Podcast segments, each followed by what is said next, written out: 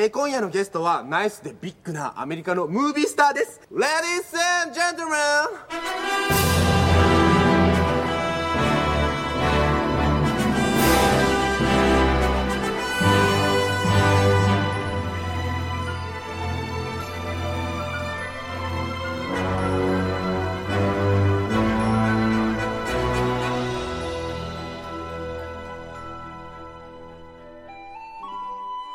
'New York ligger i ruiner', og vi løper rundt på jakt etter en ny lue, en ny knebeskytter og en ny ryggsekk. Vi har spilt The Division, det er episode 106 av Lolbua, og vi har en superspesiell gjest i dag. Hjertelig velkommen til alle lyttere. Jeg heter Jon Cato, og jeg har med meg mine to makkere. Først fra sør, Magnus. Velkommen skal du være. Mange takk. Og fra nord, Lars. Velkommen skal du være. Hello, I'm an icebreaker. Er du en icebreaker? Det er jo den der eh, samesangen, den nye samiske nasjonallåta. Tenkte jeg skulle fremme den. Har, de, har samene laga en nasjonallåt med refreng 'I'm an icebreaker'? Det er jo Melodi Grand Prix-vinnerlåta. Følger du ikke med i det hele tatt? Å ja, hun Agnete. Ja, jeg Mm. fikk ikke med meg den vinnerlåta. Ikke jeg Men eh, eh, ja, jeg, men er hun same? Er ikke hun bare halvt same? Nei, Det har vært masse oppstyr rundt det, har det ikke det? Med at hun har fått så mye hets fordi hun er samisk. Vi driver ikke med raseteori. Om du er halvt same eller fullt same, det får du og andre nazister i Oslo ta Jeg er jo veldig opptatt av sånt, der, for jeg er jo en åttendedels kven. Så jeg vil like veldig godt å vite hvor mange prosent folk er av forskjellige ting. Mm. Uh, så du, du er jo 50 Bærum, f.eks., Lars. Jeg er Født i Bærum. Ja. Du er fem, 50 styrtrik. Det er det, Lars. Altså. Mm. 50 styrtrik. Det er ikke noe rikdom vi har sett noe til. Nei. Vi har med en uh, veldig spesiell gjest i dag. Vi må nesten introdusere han. Ja. Ehm, kommer rett fra opptak i NRK. Velkommen skal du være, Hasse Hope Konbanwa gozaimasu. En glede å være her. Takk skal du ha. takk skal du ha Vi, du, vi, vi fikk, eh, når vi holdt på med Lolbua eh, for et års tid siden, så fikk jeg og Magnus en veldig hyggelig melding fra deg, der du hadde tydeligvis hørt på Lolboa og likte det du hørte, og uh, ga oss litt ros. Det setter vi jo alltid pris på. Og så like etterpå så starta du din egen podkast, nemlig Dustene. Det stemmer. Er det sånn at vi kan, eh, skri vi kan hevde at Lolbua var litt inspirasjon til det? Jeg tror navnet var inspirert av oss. Oh! Nei, altså, de, dere var jo Før dere så visste ikke jeg at det fantes podkaster. så sånn sett så kan du si at det var en inspirasjon.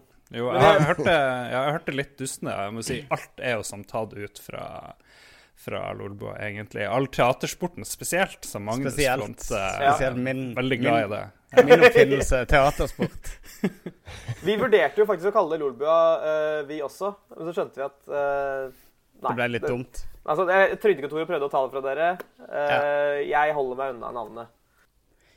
Ja, uh, for det, vi var jo i ferd med å starte en trend der et lite øyeblikk. Vi Ja. jo med at det kom til å blomstre opp en hel haug med podcaster som kalte seg for Lolbua Ja. uh, en periode. Men det er jo et veldig bra navn, da. Jeg husker det tok Det, det kom til meg, det navnet. Husker du? Det var meg og Lars fant på at vi skulle lage det her, så vi ante ikke hva vi skulle kalle den. Og så bare, når Lolbua dukka opp i hodet, bare alt stemte. Det var liksom Lars og Lorentzen var det det egentlig sto for. da Så det ble LOL.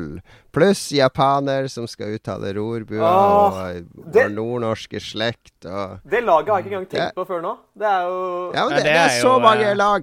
Så mange lag i det navnet. Velkommen skal du være. Du er Du, er, du, er, du liker å spille, har vi skjønt? Jeg har spilt uh, siden jeg var uh, tre år gammel, altså siden dere var i bleier. Ja, for du er jo 50 år gammel. ja, det stemmer. Du snakker om forrige uke, så for min del ja. Nei, men det stemmer. Jeg går på sånn klubb. nei, men det stemmer. jeg spiller, jeg spiller uh, veldig mye. Så mye jeg får tid til. Uh, men det er, jeg føler ikke det jeg får sagt det nok. Altså, jeg, jeg føler ikke folk vet det nok. Og det vil jeg gjerne folk skal vite. For det er jeg stolt av.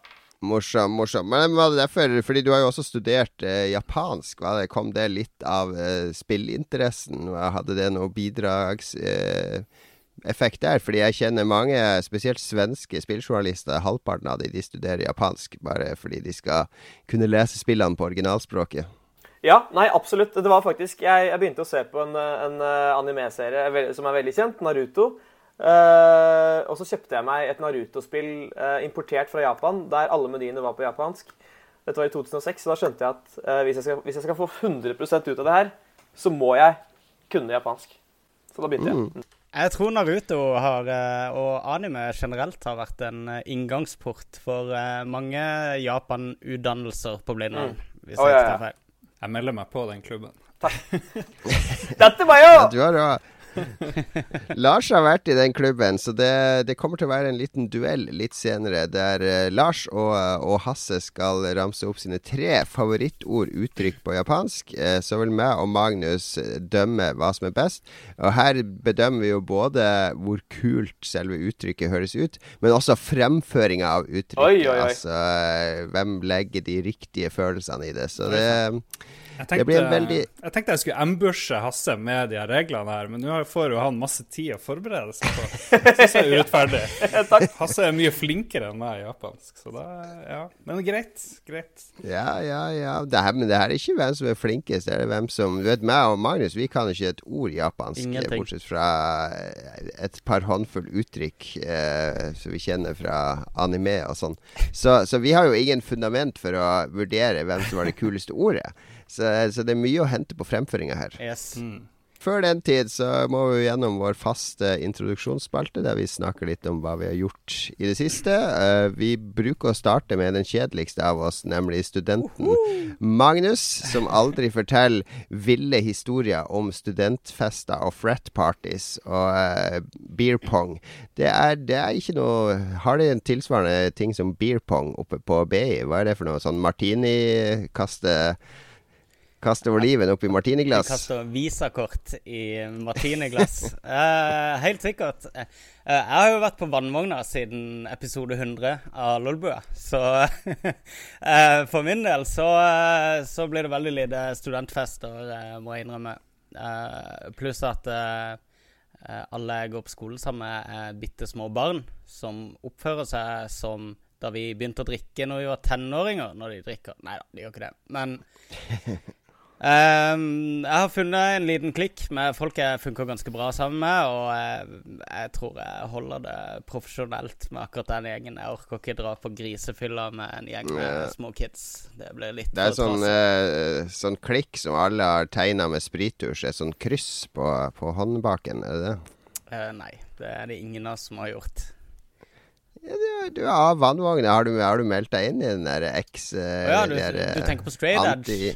Ja, straight Men edge. straight Jeg, jeg de, straight edge. um, straight edge de, eh, kan, de drikker ikke kaffe, og de er gjerne eh, De er gjerne vegetarianere eller veganere i tillegg, da. Men det er jo egentlig å bare avstå fra rus. Det er en ganske kul historie det der med det der krysset de har. Jeg har prøvd å finne ut hva, hva som ligger bak det krysset. Og visstnok så er det en greie For det, dette det for de som ikke kjenner til det, det er en uh, straight edge-kulturen veldig populær blant uh, hardcore-punken. Har en egen sånn straight edge-underkategori, da. Og eh, på konserter før i tida så var det sånn at eh, hvis man var under 18 på konsert, så fikk man gjerne en Så tok vakta og eh, lagde en svær kryss på hånda di med sprittusj, sånn at du ikke skulle få kjøpt øl. Altså eller under 20, da, i USA. Så ideen da er at straight edgerne de tatoverer dette krysset på hånda for liksom å aldri få kjøpt øl.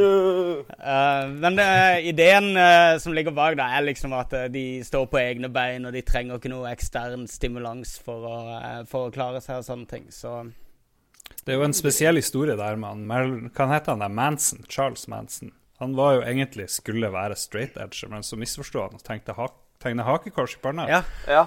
Og drepte masse mennesker. Ja. Så gikk det nedover derfra, da. Det var samme Hitler, som lagde hagekors på masse bannere og sånn, i stedet for det krysset på hånda. Så han var what? En, en, Og han drakk jo ikke. Hitler drakk jo ikke, og han var vegetarianer, ikke sant? Han var det. Så, Ja, straight edge. Jeg må bare si at det er, det, er, altså, det er ingenting som er så søtt som å høre en sørlending si hakekors. For det høres så utrolig mye hyggeligere ut med hagekors. Nei, jeg skal ut og vanne hagekorset i hagen, du. Så det er veldig fint. men hagekors, det kan også være den varianten hagekors som brenner. Føler du ikke? Så da er vi liksom over i riktig, riktig eh, eh, På riktig politisk side igjen, føler jeg. Ikke så mange andre som har poli- kors i haven sin enn en Ku Klux Klan. Det er mye politikk i kors, men det er litt kult at de tok en sånn der eh, mark of shame og gjorde det til eh, sin greie, da. Ja, ikke sant? Det er jo, eh, det er jo i punken eller hardcore-naturen at du tar At du blir gjort narr av, og så blir det din styrke, på en måte. Absolutt. absolutt. Men jeg er altså ikke, jeg er ikke noe straight edger, og eh, det er egentlig bare Jeg har gjort dette før. En gang så gikk jeg uten å drikke noe alkohol på 14 måneder. Eh, for å Mer som et sånn her eh, sosialt eksperiment og litt sånn selvransakelse og sånne ting òg, se hvordan en fungerer sjøl i i et uh, samfunn hvor vi stort sett finner på sosiale ting, og de fleste sosiale mekanismer er bygga opp rundt alkoholkonsum. Og det, det var litt rart å hoppe inn i det i over et år og være den edru hele tida. Veldig, veldig merkelig. Men det er bare alkohol du har kjørt sånn av, avstå, eller sånn uh, avstand fra. Fremdeles masse heroin hver dag. heroin Ja, hver jeg tenker du, du har gjort det som et eksperiment. Altså, nå skal jeg ikke jeg drikke på et år. Ja. Og så har du prøvd det. Har du prøvd det f.eks. med onani? Nå skal jeg ikke onanere på et år. Nei, jeg, jeg bare liksom- tenker, siden du først velger alkohol Det er jo det andre vanskeligste du kan ha prøvd? Herregud. Altså, eh, da jeg slutta å drikke, så slutta jeg også å røyke samme dagen. Eh, Etter 18 år med røyking så slutta jeg på dagen, og, eh, og begynte å trene. Og eh, begynte å spise sunt. Så alle de fire tingene gjorde jeg på likt. Og holdt det gående Ja, ja, ja, så lenge, da. Så sånn sett, så Ja, det var mer enn én ting, men ikke, ikke onani, dessverre. Ja, ja, men da har jeg en challenge til deg frem til neste Lolbo-episode. Skal du gå en uke uten å bæsje? Ja. Ja, Du, vet du hva? Da jeg var på Roskilde i 96, så gikk jeg seks dager uten å bæsje. Det er helt Ja, sant. nettopp. Da prøvde du det. Det er da så fryktelig vondt når du da først uh, tar deg en ordentlig bæsj. Nei, det var ikke noe gøy. Nei, det er så vondt. Ja, men det, ikke sant? Det var, det var en sånn Og jeg sto typisk, ikke sant? Sånn skitten og raggete. Hadde vært på Roskilde i ei uke i forveien, og så står du der sånn skitten i en sånn her 20 meter lang kø i en sånn dansk pizzarestaurant i Roskilde by, og bare endelig, endelig skal jeg på do. Og så Den køen beveger seg aldri. Det er, det er ikke noe gøy. Og når du kommer der, så er det en sånn skitten, kjip pizzarestaurant-do. Så nei. Hvis du, ikke, hvis du ikke har liksom en plan for det, da, en eller annen, et sånn fantastisk toalett eh, Da kan vi jo gå over til Japan, tenker jeg. De har jo eh, de har jo lang tradisjon med toaletter. Hvis ikke du har noe sånn liksom i slutten av reisen din, så tror jeg ikke det er verdt det.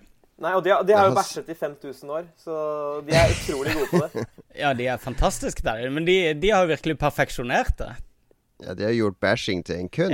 Ja. Og det var, mens Hasse var inspirert av dataspill når han skulle, gikk inn på Japan-studiet, så gikk jo Lars Du gikk jo inn fordi du eh, var så opptatt av disse toalettene. Det var, dette måtte du virkelig sette deg inn i og oppleve og forstå eh, kulturpremissene rundt disse toalettene. Det var de to b-ene, bukake og bæsjing, som eh, inspirerte meg.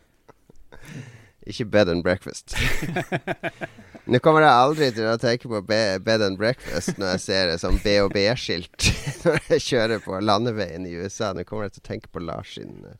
Takk for det, Lars. Takk for det. Du kan jo fortsette med å dele hva du har gjort i det siste. Eh, jeg har vært hos eh, legen denne uka, for jeg har noen øyne som tydeligvis har en infeksjon. Så jeg driver og er rød i tide og utide på de jævla øynene. Men jeg tror ikke de har liksom oppdaga egentlig hva som er galt. For det. Så jeg sier til dere, hvis jeg blir blind og dør i uansett rekkefølge før sendinga er ferdig, så, så skyld på legene. For det, jeg vil gjerne ha en lang tordentale i begravelsen min om hvor dårlig eh, hun der dama eh, på Sjøkanten legesenter er.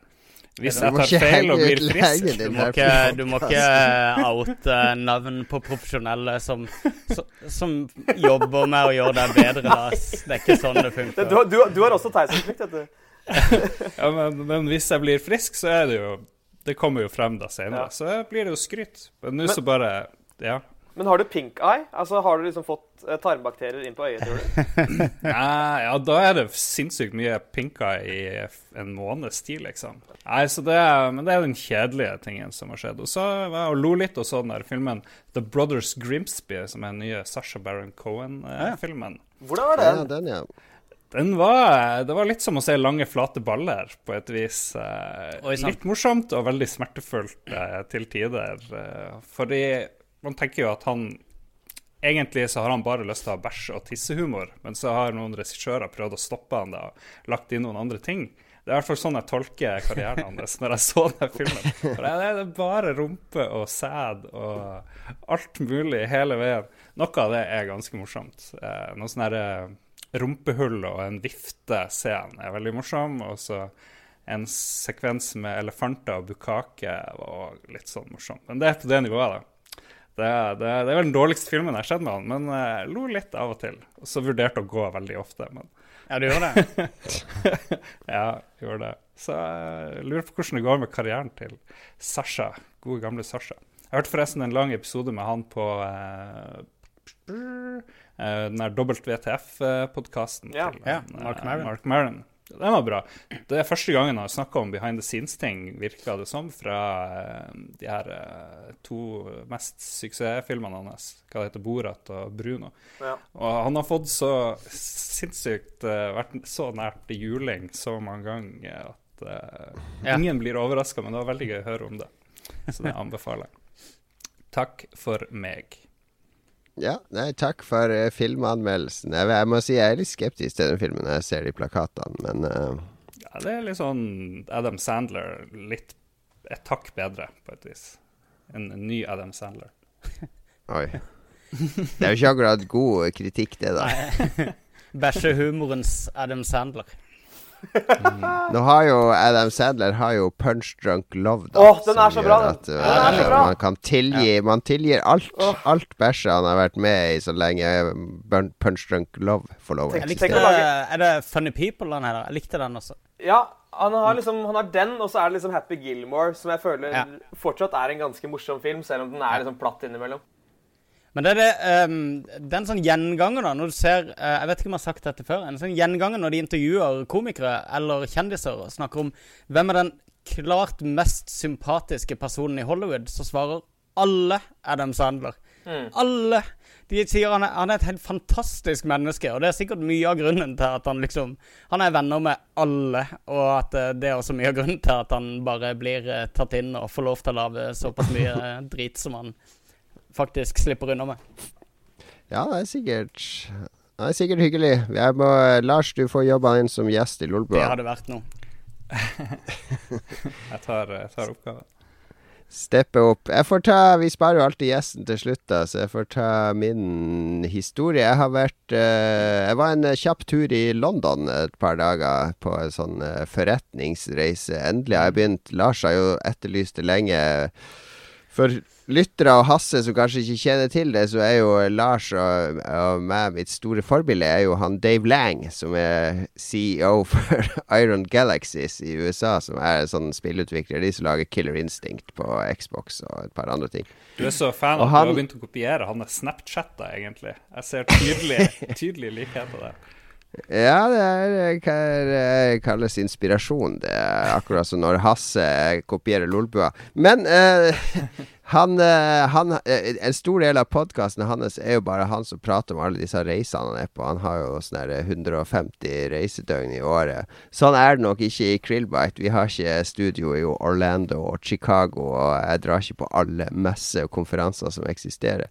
Men eh, nå skulle jeg nå endelig ut og reise, da, så fikk jeg føle litt på denne Dave Lang-ånden. Så ut på Gardermoen og fly innstilt og drikke øl og lande i London tre timer over tida. Og, så hadde jeg bestilt bestilte litt sånn eksperimentelt hotell, da. Jeg vet ikke åssen jeg fant det. Men uh, det er, det er visstnok en sånn ny sånn hotelltrend som jeg tror er sånn mottrend til Airbnb. Fordi hvis du har bodd på litt på Airbnb, så vet du at alle sånn Airbnb Det er veldig sånn Ikea-hjem. Det er sånn Ikea-seng, Ikea-sofa, Ikea-kjøkken. Eh, det ser ut som du bor på sånn utstillingsrom til Ikea ofte. Som er litt kjedelig, da. Så det hotellet her, da, det var et sånn legitimt hotell, men det prøvde å være mest mulig shabby, da. Eh, så du kom inn i lobbyen, og den var, den var nesten uten lys. Altså masse ting stabla langs veggene. Altså den trappa ser ut som sånn der eh, Jeg posta bilde av den på, på Snapchat. Det, det, ser ut som den skal rase sammen. Uh, ser ut som du går i sånn fiskevær fra, fra Lofoten som er 100 år gammelt. Knake. Og det lå en katt og sov i en av etasjene der. Og alle dørene var råtne. Alle veggene var fulle av eh, det som så ut som fuktskade. Men så viste det seg at det var egentlig sånn fake, fake skade, da, mye av det. Det så veldig slitt ah. ut og, og ødelagt. Og det føltes som du bodde i sånn her gammel, slitt uh, spøkelseshus. Jeg lå på en eh, diger sofa og sov, som var gjort om til en seng. Og eh, det var, det var en morsom opplevelse. Så sann mine ord, jeg kommer til Norge om, eh, om et års tid, så har vi disse shabby-hotellene i Norge som skal gi deg en litt mer sånn experience enn å bo på en sånn kjedelig Airbnb der du får håndkle og såpe og egg. Men er det kult at det ser shabby ut, liksom? Er det bra?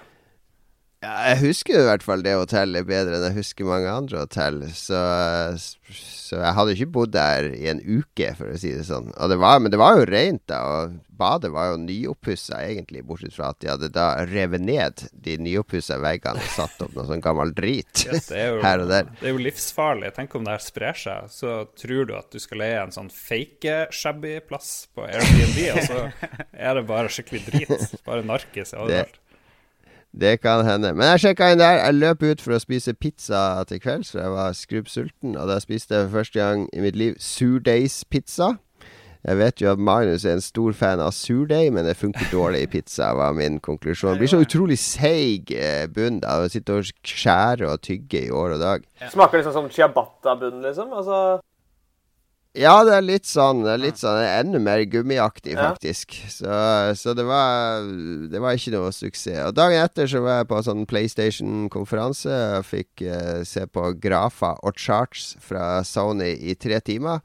Uh, De er så flinke til å fylle sine presentasjoner med grafer. Ja, men det her var jo bare for sånne uh, businessfolk òg, da. Så det var jo bare grafer. Uh, det var jo ingen trailere eller noe sånne, sånne reveals. Det var noe helt annet. Men det var kjempeinteressant. Uh, møtte flere folk der, og så dro jeg hjem, basically. Susa litt rundt i London. Og så på Heathrow så viste det seg at flyet mitt hjem var også innstilt da. Så det var den andre innstillinga på et døgn. Uh, SAS jeg trodde de var, trodde de var stabile, men brukte år og dag på å komme meg hjem. Uh, så jeg var utslitt etter den turen. Altså, da jeg kom hjem, så var det rett til uh, Ja, mye styr på jobb. Så, um, så, det var veldig deilig å dra til London. Kjente litt på våren. Det, jo, det er jo alltid sånn vårstemning når du drar til London eller Paris og sånn i, i mars. Altså kan du komme tilbake til den kalde hverdagen i Norge. For Lars er det vel sånn vårstemning å dra til Oslo i mars. Det tror jeg. Det er ikke mye vår her. yes. Så Nei, men det var morsomt. Så drar jeg til GDC nå om et par dager, så nå tiltar det med reising her. Litt for lite fyll i den historia der. Ja. Har du sensurert det? Uh, ja, jeg, når jeg måtte sitte på Heathrow i tre ekstra timer og vente, så uh, De har jo pussa opp Terminal 2, da, så den ligner veldig på Terminal 5. For de som ikke har vært mye på Heathrow, Terminal 2 var sånn shithole i mange år. Altså sånn her uh, flyplass, eh, charterflyplass fra 70-tallet. Eh, men nå ser den en fresh og ny, og alle salgsstedene er helt nye. Det betyr at det er ikke noe sånn her eh, litt slit... Jeg liker best å sitte i litt sånn slitne barer når jeg skal drikke på flyplass. Det skal helst se ut som en bar. Det skal være sånn brune trepaneler og sånne ting. Mens nå alt er sånn fancy og fresh, og med sånn vedovn som de skal steke pizzaen i, og, og dill, så jeg måtte sitte i en litt sånn fancy bar, men der fant jeg min uh, nye favorittwhisky. Det er Monkey Shoulder. Yes. Monkey Shoulder, mine damer og herrer. Ja, den er så lett å drikke. Den bare glir ned som, uh, som, som silke ned i halsen. Ja, jeg aner ikke hvor den kommer fra, den whiskyen. Det er sikkert uh, Jeg vet ikke hvilket land det er. Det heter Monkey Shoulder, og den, er, den anbefales hvis du er på, ute på reise på flyplass, og de har den. Den kommer jo fra Monkey Island. Ja. det kan godt hende. Det kan godt hende. Jon Cato, eh, jeg- hva var det hemmeligste som skjedde på Sony-konferansen? Det hemmeligste Som ble sagt Uh... Kan du mime det? Uh... det? Det var ikke sånn Vi måtte ikke signere noe sånn NDA. Ah. Go for it. Nei, det er vel at uh, omsetninga på PlayStation Store har vel tidobla seg på fire år, eller noe sånt, tror jeg. Yes. Uh, og uh, Xbox er død og begravd. Nei, de hadde masse sånn sammenligningstall. uh, og ja, det syvende mest solgte spillet på PlayStation 4 i fjor var utgitt av Microsoft. Det syvende. Oi. Altså Ja, Minecraft. Minecraft. Minecraft. Det syns Sony var litt morsomt. Da lo vi godt, alle sammen. Ja, også, tenke sånn. Albuen i sida på hverandre, og så opp og ned med øyenbrynene og rista litt på hodet. Så det var stemning, det. Ja, Hasse, da. Har du forberedt eh, Nå har du fått god tid til å forberede. Kan du dele litt fra ditt spennende Spennende NRK-liv? Jeg kan prøve. Um, Ja. Altså, jeg uh, Jeg er ikke så veldig sportsinteressert, egentlig. Um, men når NRK ringer og spør om, om vi kan lage innslag til skiskytter-VM, så, så sier vi ja. Eh, Så jeg har drevet og laget innslag til uh, skiskytter-VM i to uker nå. Og det, okay. og det, er, det er ganske absurd, for det er, det er jo, det er en, det er jo en på en måte litt sånn rar sport. Og vi har da på en måte i oppgave å lage sketsjer som handler om uh, skiskyting. Og når du da sitter der og skal liksom prøve å drodle fram uh, sketsjer som handler om noe så snevert, det er veldig, veldig vanskelig. For det, er liksom, det må handle om ski, det må handle om skyting. Altså, det, det er liksom Vi klarte så vidt å presse ut liksom seks ideer der. Så det er det vi holder på med nå, da. Vi hadde, vi hadde lansert eh, ideen om å prøve å gjøre skiskyting sånn som i Winter Games på Commodore 64, tror jeg. Ja. hadde blitt årets eh, eneste idé, som ikke hadde funka. Det så vi sikkert bedre enn det vi lager. altså. Det, Men det lager, det lager det der B-reel-greiene, eller blooper reel-opplegget, Ja. og det ikke det, fikk jeg høre. det lagde, ja, det sendte vi i går. Ja, det er veldig morsomt. Det, jeg så når jeg var på Oslo City og gjorde akkurat det. Um, for de som ikke har sett det, så eh, inviterer eh, Hasse og co. eh, tilfeldig forbipasserende til å være med og spille inn bare blooper reels, sånn. Altså der de faller og snubler midt i intervju. Eh, med morsomme lydeffekter på. Og eh, Og det, det er overraskende, overraskende gøy bare det å liksom legge på en sånn fiselyd eller en sånn boing idet noen faller. Så blir det med en gang veldig gøy. Men er det lett du- å få folk med på sånne ting? Eh, I Norge så stopper kanskje én av ti, og av dem Ja. så er det kanskje halvparten som gidder å bli med, eller som, som liksom leverer det de skal, da. Ja, riktig. Uh, men vi lagde én episode på Venice Beach i Los Angeles, og der hvert eneste menneske vi stoppet, eh, liksom nærmest tryglet oss om å få være på TV. De er så kåte på å bare få vist ansiktet ditt. Det er helt fantastisk. Hva er det man skal søke på for å finne den der eh, sinnssyke greia dere lagde, eller den mest populære tingen eh, med de som skulle fortelle om et bankran? Ja, eh, da skal du søke på eh, Under 60 Seconds Unexpected Shit. Ja, det er noe av det beste jeg har sett ever. Er Takk for det. takk for det. Ja. Good. Ja, nei, ski, skiskyting er jo en absurd sport, for jeg prøvde faktisk Jeg snakka med mora mi om det en dag. Da prøvde vi å komme på en annen sport der de skal ha med seg gevær og så stoppe jevnlig og skyte. Du gjør jo ikke det i løping eller svømming eller eh, noe som helst annet. Du kunne jo kombinert det med maraton. Ja. Men akkurat Hvorfor skal man ha det med på ski, liksom? Ja. Ideen er vel at det, det blir vanskeligere å skyte jo mer du stresser. Så det er den der balansen mellom hvor mye du legger i eh, kondis, og hvor mye du, eller hvor mye du liksom eh, kjører på, og hvor mye du liksom klarer å sikte og skyte under, eh, under stress. da. Ja, for det er på en måte sånn at altså, Når de kommer inn til de skytingene, så har de gjerne mellom 180 og 200 i puls. Noe Ja. jeg aldri har vært i nærheten av. Jeg tror jeg har hatt makspuls på 100. eh, eller 60. Eh, og vi prøvde å skyte bare sånn med hvilepuls i går, og det er, det er, det er helt umulig. Altså, Det ser så lett ut på TV. Det er helt umulig. Ja, det er Så jeg, ble, jeg får en sånn beundring for dem. Det gjør jeg. Jeg syns fortsatt det er jævlig rart. Fikk du, Ja. fikk du skutt sjøl? Det ville jo jeg lagt inn i en sketsj. eh, Litt sånn fyre av løs eh, noe kjappe bullets. Vi, vi fikk faktisk lov til å gjøre det i går, uh, og, og det, det var overraskende gøy. Det traff Ja. du noe? Eh, jeg traff veldig mye treverk. Eh, altså alt som ligger på en måte rundt blinken, traff jeg. Det å bare suse forbi og prøve å blette løs, ikke sant. Det, det virker jo litt fristende, men eh, Det, er- det, altså, det er enda gøyere å liksom dra på sånn firing range i USA. Det, det, hvis, hvis man vil oppleve noe sånt, så ville jeg heller gjort det. Skyte med Ja, shotgun, eksempel. Ja. ja. PS, så dere uh, Apropos skyting på skytebanen, har dere sett Keanu Reeves øve til Ja.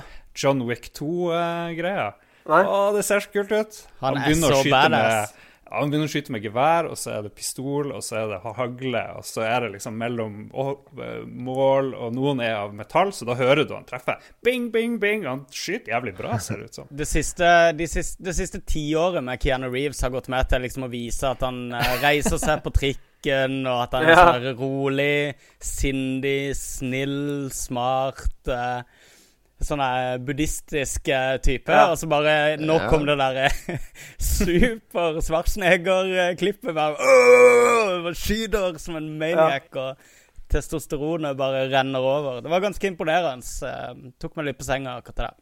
Kan jeg få lov til å gjøre veldig kjapt min Keanu Reeves uh, impersonation? Do it. Wow! Most excellent idea! Du naila du det på de døde øyene også mens du sa det, som er liksom den her finessen til Keanu Reeves. Det kunne vært eh, fem ulike filmer, egentlig. Kunne ikke det? Men ja. Ja, det er sitater fra fem av filmene hans. Ja, ja. Det er, eh, det er Dra Dracula, og det er jeg tenkte. Nei, det er vel Bill og Ted, men han er jo sinnssykt lik stort sett i det meste, egentlig. Han er det.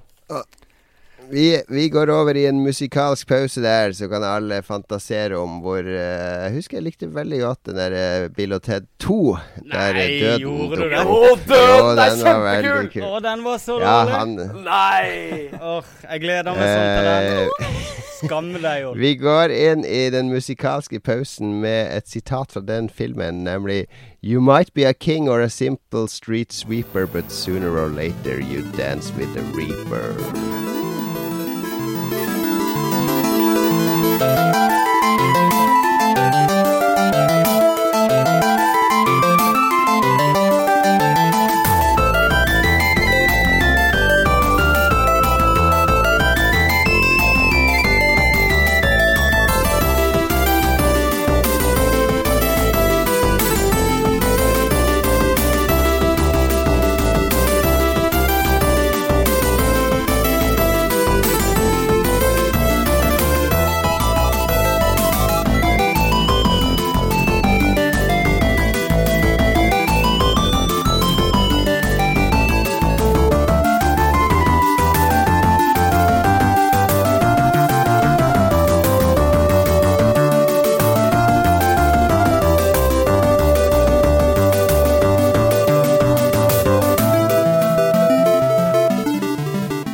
Velkommen tilbake til uh, Lolbua uh, etter det fantastiske musikalske avbrekket der. Nå håper jeg Hasse har forberedt en liste med låter han gjerne vil høre i dette programmet. Vi pleier jo å la gjestene uh, tvinge Lars til å lete opp musikalske spillfavoritter.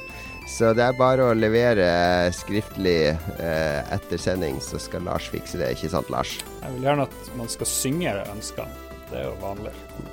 Nå er lyden din helt Det var. Darth Wow. Vader som kom innom her for å bare si et par ting. You will all die. Går det bedre nå? Nå tror jeg du har uh, Jeg tror du har spist den der øyesalven du fikk. Han Doktor Kronos kom på besøk her om dagen, så Riktig. det ble litt Eh, eh, nei, du! Referanse til dustene. Takk skal du ha. Ja.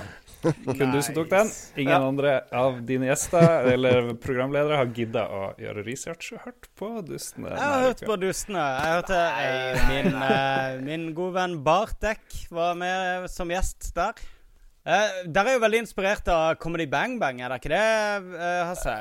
Bare 80-90% Ja, For det, det, er, det Der låner jo litt form derfra med dette her med uh, karakterer som sånn gjengår Eller karakterer som blir intervjua, da. Og, eh, Det stemmer. ja, Vi, vi gjør jo alt, som, alt vi kan for at folk ikke skal oppdage Comedy Bang Bang, for å høre hvor, utrolig mye bedre det er. så, så det, det blir med det. Altså, vi, vi har snakka om Comedy Bang Bang flere ganger i Lolbua. Eh, Ja. Det er en fantastisk bra podkast. Ja, helt utrolig bra. Uh, hvor uh, han programlederen, som går under nye navn hver eneste gang, har eh, klarer å samle sammen Han, har, han kjenner basically hele komikermiljøet i Amerika, og Ja. har samtlige på besøk i showet sitt uh, i løpet av et år. Uh, veldig kult. De er innom, og eh, mye teatersport, som jeg er så kjent for å være så fan av. Og uh, ja Big laughs og god underholdning, i hvert fall. Comedy Bang Bang bør folk sjekke ut. Jeg foretrekker dusten, altså. Jeg syns Comedy Bang Bang, jeg vet ikke. Det, det varer for lenge, og ja. Og av og til så er det veldig bra. Så nei, hør på dustene i stedet. Åh, Åh, det er fint. Det er fint. det er veldig hyggelig. Ja, ja. Bra plugg der, eh, Lars. Vi skal over til uh, en uh, liten konkurranse som vi har laga til ære for vår uh, gjest, og for Lars, som, som sjelden får bruke alt han lærte på Blindern i et par år. Og i Japan. I, var det ett år du var i Japan? Et halvt år? Jeg var, det føltes som ett år, men jeg var der bare i eh, tre måneder, cirka. Litt over. Det var var- ikke Var ikke du sånn én dag over det visumet ditt, sånn at du, du fikk eh, Du ble skjelt ut på flyplassen når du skulle reise? Jeg var, jeg var, hvis jeg husker rett, tre måneder og én dag. Nei, det var, det var vel 90 dager, sikkert. Jeg var sikkert 91 ja. 91 eller 92 dager. Jeg trodde, jeg trodde at det, det gikk bra, men de var vel ganske strenge i passkontrollen på vei ut av det landet. Jeg måtte jo, jeg begynte å gråte omtrent. Jeg var skikkelig på gråten. For de ville, de ville kansellere eh, passet mitt. Det gjorde han òg. Han bare stempla det med sånn her void, eller jeg vet faen hva det er. Sånn, det her gjelder ikke lenger. Han ville ikke ta deg inn i det hele tatt? han ville ikke sende meg ut. Jeg, skulle, ut fordi visumet mitt var brukt opp. Og så Nei, det her går ikke bra. Og så kom det ei dame og hviska at ja, du må, du må si unnskyld. Jeg bare ja, OK, ja, si unnskyld. Ja, da var det greit. Betale noen igjen, og så viska de bort det der void fra passet, så fikk jeg lov å reise. Men eh, det var skikkelig jævlig, fordi den billetten var jo dritdyr. Jeg husker jeg, hadde jo ikke noe mer penger. Det var jo derfor jeg dro. Egentlig skulle jeg liksom ta båten til Sør-Korea og, gjøre det the sneaky way og få nytt, fornye passet, men det Sånn var det. Sånn var det. Men du bodde i Japan. Hasse, du har òg bodd i Japan. Stemmer. Eh, hvor, hvor bodde du i Japan? Jeg bodde tre måneder i Tokyo og tre måneder i Sapporo. Mm. Sapporo? Jeg trodde det var bare en øl. Å Å nei da. Jeg, jeg, jeg skal vise deg, jeg. Ja. Jeg bodde i Kikirin her jeg bodde tre måneder. Det er jo en øl. Ja. Er alle byer i Japan oppkalt etter øl? Ja. Ja, det, jeg tror ikke Kirin er en by. Jeg vet ikke. Jeg bodde i uh, Kuru, Kuru, Kururin i en del eh, år. Det gjorde vel du òg, Jon? Gjorde du ikke det? Eh, nei, Nå henger jeg ikke med. Hva var det nå? Det var lanseringsspillet til Nintendo DS Nei, Gameboy Advance, mener jeg. Som absolutt oh, ja, ja. Det er pin, Yes. pinnespillet. ja. Ja, det var kult. Ja. Um, men eh, du skal tilbake igjen til Japan nå, Hasse. Skal du ikke det? Går det rykter om? Jeg drar på, på lørdag. Går rykter i slekta om at du, du skal til Japan? Ja, så rart. Ja, jeg vet det. Nei, jeg skal jo da til Japan uh, med uh, broren til denne Magnus Tellefsen, faktisk. Han i Lolbua? Oh. Ja. Riktig, riktig. Mm. Men dere skal i hvert fall møtes i hvor, hva Er det i Tokyo eller Sapporo dere skal møtes? Tokyo, og så drar vi til Sapporo. OK. Og da skal dere uh, gjenoppleve de vakre månedene dere hadde sammen i, i Japan. Vi skal, vi skal gjøre så godt vi kan. Eh, og praktisere den japansken vi husker. Jeg vet ikke hvor mye det er. Det jeg, jeg snakket det tilnærmet uh, flytende for syv år siden. Hmm. Men hvordan det er nå, har ikke peiling. Ja, riktig. Ja, men du, du var jo i gang og snakka japansk igjen for ikke så lenge siden, var du ikke det? Med han skihopperen. Jo, jeg, jeg uh, tok og intervjuet uh, tidenes mest legendariske skihopper Noriaki Kasai uh, Ja, på NRK, NRK for et år siden. Eh, og da, da bygget vi opp innslaget som at jeg aldri hadde snakket japansk før. Og så liksom lot vi som at jeg måtte pugge japansk i tre timer, og så kunne jeg det liksom uh, helt perfekt. Så det er sånn inside informasjon til dere nå. Ja, ja, ja. Uh, Det er bare bullshit. Jo, men jeg har sett det klippet. Det var, det var veldig morsomt. Han ble, han ble utrolig glad for at du snakka språket hans. Ja, ja. Altså, han snakker så å si ikke engelsk, så han ble nesten mer glad enn meg. Eh, Ja, det er bra. Yes. Morsomt. Yes, nei, Vi skal teste litt japansk her nå. Um, vi har en konkurranse, nemlig. Uh, nå legger Lars på noe spennende musikk, hører jeg i bakgrunnen her. Uh, Japan-konkurranse, nemlig. Uh, det, skal, det går ut på at um, Lars og Hasse skal komme med sine tre favorittord, eller favorittuttrykk på japansk, som de da skal fremføre. Eh, du har skrevet to ord mot hverandre om gangen, Lars. Hva betyr det? At dere velger ett uttrykk hver? Ja. Og så duellerer de, og så kårer vi en vinner. Så det er tre runder, da. Tre runder. Ett uttrykk i hver runde fra hver. eh, så kårer vi vinner i hver runde, da. Og så blir det da en som står igjen med to eller tre seire til slutt. Han går seirende oi, oi, oi. Wow. Spennende. Er dere klare, Lars Sand og Hasse Sand? Til runde én. Um, Runde én. Nihongo fighter! Var det uttrykket ditt? Nei, det var bare Har du Det var- da! Det var, det var uh, Hva heter det? Tittelen på konkurransen. Ok, Ok. Nihongo Fighter. Dette blir vanskelig, så jeg merker det. Eh, vi, vi får begynne med Lars, da, siden du er en del av Lolbua. Så får du uh, være først ute. Uh, Lars, ditt uttrykk nummer én. Ja, jeg må bare sette, jeg må sette it up, ikke sant. Og det begynner veldig lavt og rolig med uh, mitt og kanskje Mats, min, vår venn som var her for ikke så lenge siden. Sitt kanskje favorittjapansk ord. Bønduru. Banduru. Lir at det gjentar det. Det er som å høre på sånn lydtape. Det er kjempefint. Og det er jo selvfølgelig eh, japansk-uttalen av bundle, som jo er kanskje det beste ordet i Bundle. universet. Ja, du gikk rett på sånn engelsk-japansk. Ja, ja, ja. Ja, nei, men det er veldig rolig, fin, eh, fin fremførelse der. Eh, nå er jeg spent på hva Hasse har. Runde én. Hasse sitt eh, uttrykk. OK. Um, dette er en setning jeg hørte da jeg var i Japan første gang, og da, da var jeg ganske rund i kantene. Um, og det er følgende wa omoshiroi! Hva betyr det? Det betyr, det betyr eh, rett og slett uh, Du har en veldig interessant rumpe. Og det var fordi jeg, jeg har en veldig veldig stor rumpe, og den var ekstra stor i 2007. Uh, og så var, det, var jeg på en eller annen bar, og så var det noen som så den rumpa, og så, sa de at det var en interessant rumpe. Så han kom bort til deg bare for å si at eh, Øy, dude, det, du har egentlig en ganske interessant rumpe. Som ja. i en ren observasjon, liksom, uten å Han ville ikke noe sted med det. Og han Nei, ville ikke fornærme deg eller noen ting. Var han ville ikke, heller ikke gi meg komplimenter, for det er jo et veldig nøytralt uh, Ja. utsagn. Hva er dette på eh, Rondon pub? Don't you dare. um, Nei, ja, men det var eh, Ja, hva sier vi, Magnus? Jeg synes jo um, eh, Lars starter kanskje Det er kanskje strategisk av Lars. Han starter veldig lavmælt. La oss eh, gå for det litt- fonetiske. Ja. eh, Den, den eh, inkantasjonen hans er jo veldig riktig, sånn som de sier engelske uttrykk. Men jeg syns jo Jeg synes, må jo innrømme jeg syns Hasse sitt uttrykk var eh, litt saftigere, og servert med en litt saftigere historie. Raunchy. Ja, raunchy. Så vi sier 1-0 til Ja, Hasse den. etter runde Med på den. Ikke vær så! Nei, må du spare Helt kruttet her. eh, Altså. okay, okay, Nå ok. bruker du de bra som seiersrom her.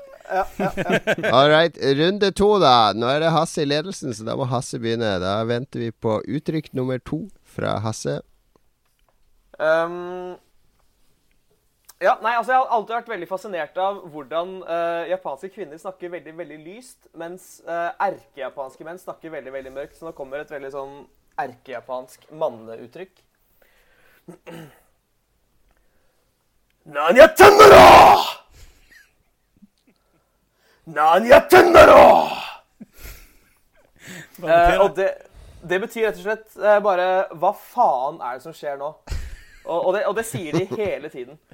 Eh, du hører det veldig mye sånn ya Yakuza-filmer. Sånn eh, Hvis noen ikke helt skjønner hva som skjer, hva faen er det som skjer nå?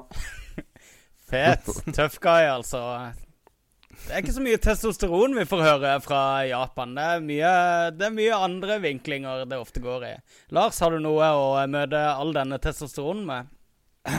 Ja, men hvis du vil ha japansk testosteron, så er det jo mye de her eh, Beat Takeshi-filmene, er det ikke det? Ja. De her Sonatine dem. og Mye Yosh og barnskap uh, som kommer. OK, mitt, uh, mitt neste Mitt neste bidrag stammer fra en, eh, også en kompis der òg, Jon, som vi eh, kjenner godt. Eh, jeg tror han har brukt det som alias òg i diverse i diverse spillsammenhenger. Og det er da som følger Kogi kaishakunin. Kogi kaishakunin. Kogi Kaishakunin, ja. Det er han uh, Lone Wolf, en uh, cub. Er det ikke det han, han samuraien i den serien? Det er jo en eh, Det, det, det stemmer, og det er jo rollen til um, uh, Det er det uh, bøddelen til shogun kalles eh, i gamle føydal-Japan. Så det Så er Shogun Assassin. Ja. ja. Der er han. Kogi kaishakunin. Så um, ja. Jeg kjørte ikke på noe avansert uh, uttale, men jeg syns det er Nei, kult. men det er jo et, eh, er jo et eh, navn som Eller et En ord eller navn, egentlig. eller ja, En stilling som skal sies med litt uh, respekt. Skal ikke gjøre, gjøre narr eller uh, ha for mye Legge for mye i Hvis man, så hvis man roper det det, så er det jo fordi du er overraska av å se han. Da blir det litt sånn Kari Bremnes-leken. videre. ja, men, Pluss at du minner meg om Shogun Assassin, som er en uh, film som jeg ikke har tenkt på på mange mange år. Som er dritfett. Og som, Jævlig fett. så hvis du har hørt om Wu-Tang eh, Clan, så uh, kommer nesten alle samplesene de har i alle låtene sine, henta fra den filmen. Det er sant. Nei, men eh, ja, skal vi si, eh, Magnus, både for å gjøre det litt spennende, men også fordi det var et veldig fint uttrykk, eh, og det er en hyllest til en av de beste ekspilotspillerne gjennom tidene. Nå beveger vi oss inn i veldig smalt landskap her.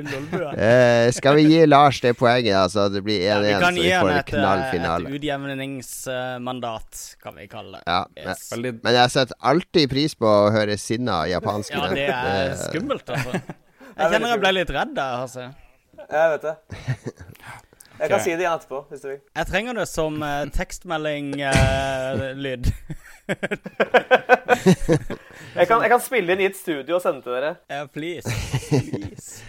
Do it, do it. Ok, vi, eh, det blir runde tre. Eh, Lars, du får Mm. jo da ta uh, lede an nå. Nå gjelder det. Nå gjelder det å gi alt her. Nå eh, nå håper jeg du ikke kommer med Icebreaker, som jeg tror du har oppi ermet. Her, må du- her må det sterkere har- krutt til. Jeg har spart på kruttet, for å si det sånn. Og, All right. Det liker vi. Og Jon, du aner ikke hva som kommer nå, men nå bare gjøre seg klar. Icebreaker! det var icebreakeren, ja. Nettopp. Så det Jeg, jeg ja. kan jo nevne for lytterne òg at det var en periode når vi spilte mye Destiny i lag, at Lars egentlig bare satt og sa absolutt alt som kunne sies med sånn japansk uttale av engelske uttrykk. Det var sånn time opp og time ned. Det var sånn knasking av skolekritt og litt smatting på, uh, på ostepop. Og så var det Icebreaker og Reidu. det er jo utrolig gøy. Fake japansk. Så det, Det er Fake faktisk japansk. Det blir aldri kjedelig. Det er det og Vennesla-dialekt, for de som kjenner til den. Det er de to gøyeste tingene som aldri dør ut. Alright. Litt forutsigbart, men et uh, veldig godt uh, Destiny-uttrykk. Uh, Hasse, hva har du spart til finalen? Jeg tror det må, det, det, Dette kommer fra Jeg var på et, eh, et såkalt en sånn onsen, eller en varm kilde, sammen med en kompis. Eh, og vi var ganske unge og hadde lyst til å, å dra på et sted der det var tilgang for både kvinner og menn, fordi man må jo være, man må være naken i disse badene. Eh, og da eh, var det en kvinne som sa dette til min eh, kompis. 友達のチンポは可愛いわね。友達のチンポは可愛いわね。 Eh, og det, det betyr eh, Vennen din har en søt penis. Og nå virker det som at jeg utelukkende er i sånne situasjoner der eh, kroppsdeler blir kommentert, men eh, det er, det er, veldig, det er strategisk at jeg velger disse. Du vet, Det på Lars det- var utkaster på eh, sånn strippebule i Tokyo, var du ikke det, Lars? Jeg var servitør. Kompisen min var utkaster på One Eye Jacks i Tokyo. Så det høres ut som dere sannsynligvis kan ha møttes uh, på et eller annet punkt i Ikke Dere hadde vel huska det. Eh, det, det er noe av det vakreste og rareste noen kunne sagt til meg. Og vakreste på måten det høres ut, sånn rent musikalsk, uten å forstå hva det betyr. Og det rareste når du får høre hva det betyr. Hva, Ja. hva svarte du da? Om jeg må tør spørre. Du, dette var dessverre ikke min, eh, mitt understell det var snakk om. Det var min venns. Ja, Så hva Eh, svarte han du på vegne av din venn? på vegne av min venn. Så han, han kunne heldigvis japansk, så han, han sa liksom høflig liksom uh, Tusen takk. uh, og så bare gikk han. Så han var ikke interessant, denne penisen. Nei, nei, den, den var søt. Den var søt, ja. Ja, og det som jo også er litt gøy, er jo på en måte at hvis, hvis hvite menn har lyst til å få en, en stor liksom, selvtillitsboost, så er det bare å dra uh, i en sånn japansk onsen og være rundt masse japanske menn. Fordi Jeg vet ikke om jeg trenger å si mer, men det, det, du får en veldig boost. Da. Det, er- OK. det, man, man føler seg som Da Ja. hører dere det. 98% av Lolbuas lyttere. Right. At det bare er å dra til Japan, til Onsenbadan. Ja. Det var eh, Venn, sier du? Nå lurer jeg veldig på hva det er. Er det broren til Lars vi snakker Og om? som broren er- til Magnus. For det Kanskje det. Ja, bro, broren til Magnus, selvfølgelig. Vi får se. Vi får se. Nei, du trenger ikke røpe det. Hasse. Jeg skal legge ut bilde av, av min lillebror eh, som baby nagen. Kan jeg legge ut på Facebook-sida vår, så kan vi jo eh, Så kan jo leserne våre bestemme sjøl om de er enige. Kom igjen, legg ut bilde av penisen hans som voksen. Det skal jeg gjøre med Ja, min det bror. vil jeg gjøre. Ja, gjør det. Vi kan ha sånn kamp. Ja, vi kan, ha, vi kan godt ha en sånn søskenpenis-off. Den er jeg med på. All right. Men vinneren må jo da bli eh, Jeg Magnus. syns Hasse her, altså. Sorry, Lars. Ja. Eh, Han kan jo japansk, så jeg syns det det er helt var- rett. Nei det var full eh, levering der, må jeg si, altså. Jeg ble Veldig bra levert av Hasse Store Rumpe Hope sammen med hans venn uh, Ukjent eh, Søte Penis Ukjent. Uh, uh, høres ut Nei, det er velfortjent. Velfortjent serier. Eh, domo arigato, sier vi til våre to deltakere. Og mm, vi er tilbake etter pausen for å snakke om hva vi har spilt. Ass.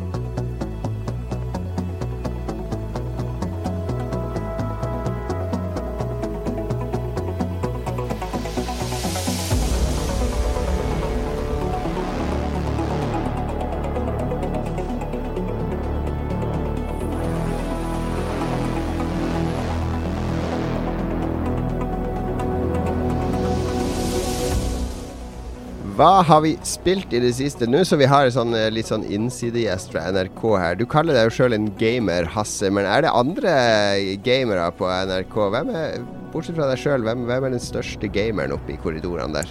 i størrelse. det er det eneste vi bryr oss om.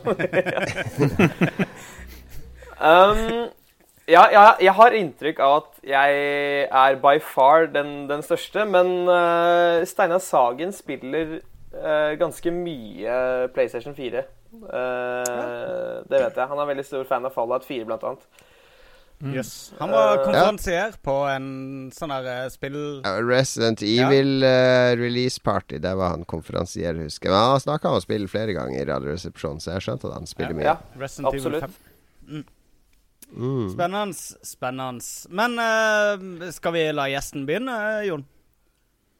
Ja, vi kan godt eh, ha, Hva har du spilt i det siste, altså? Um, de siste ukene så har jeg uh, fokusert veldig mye på uh, Life is Strange.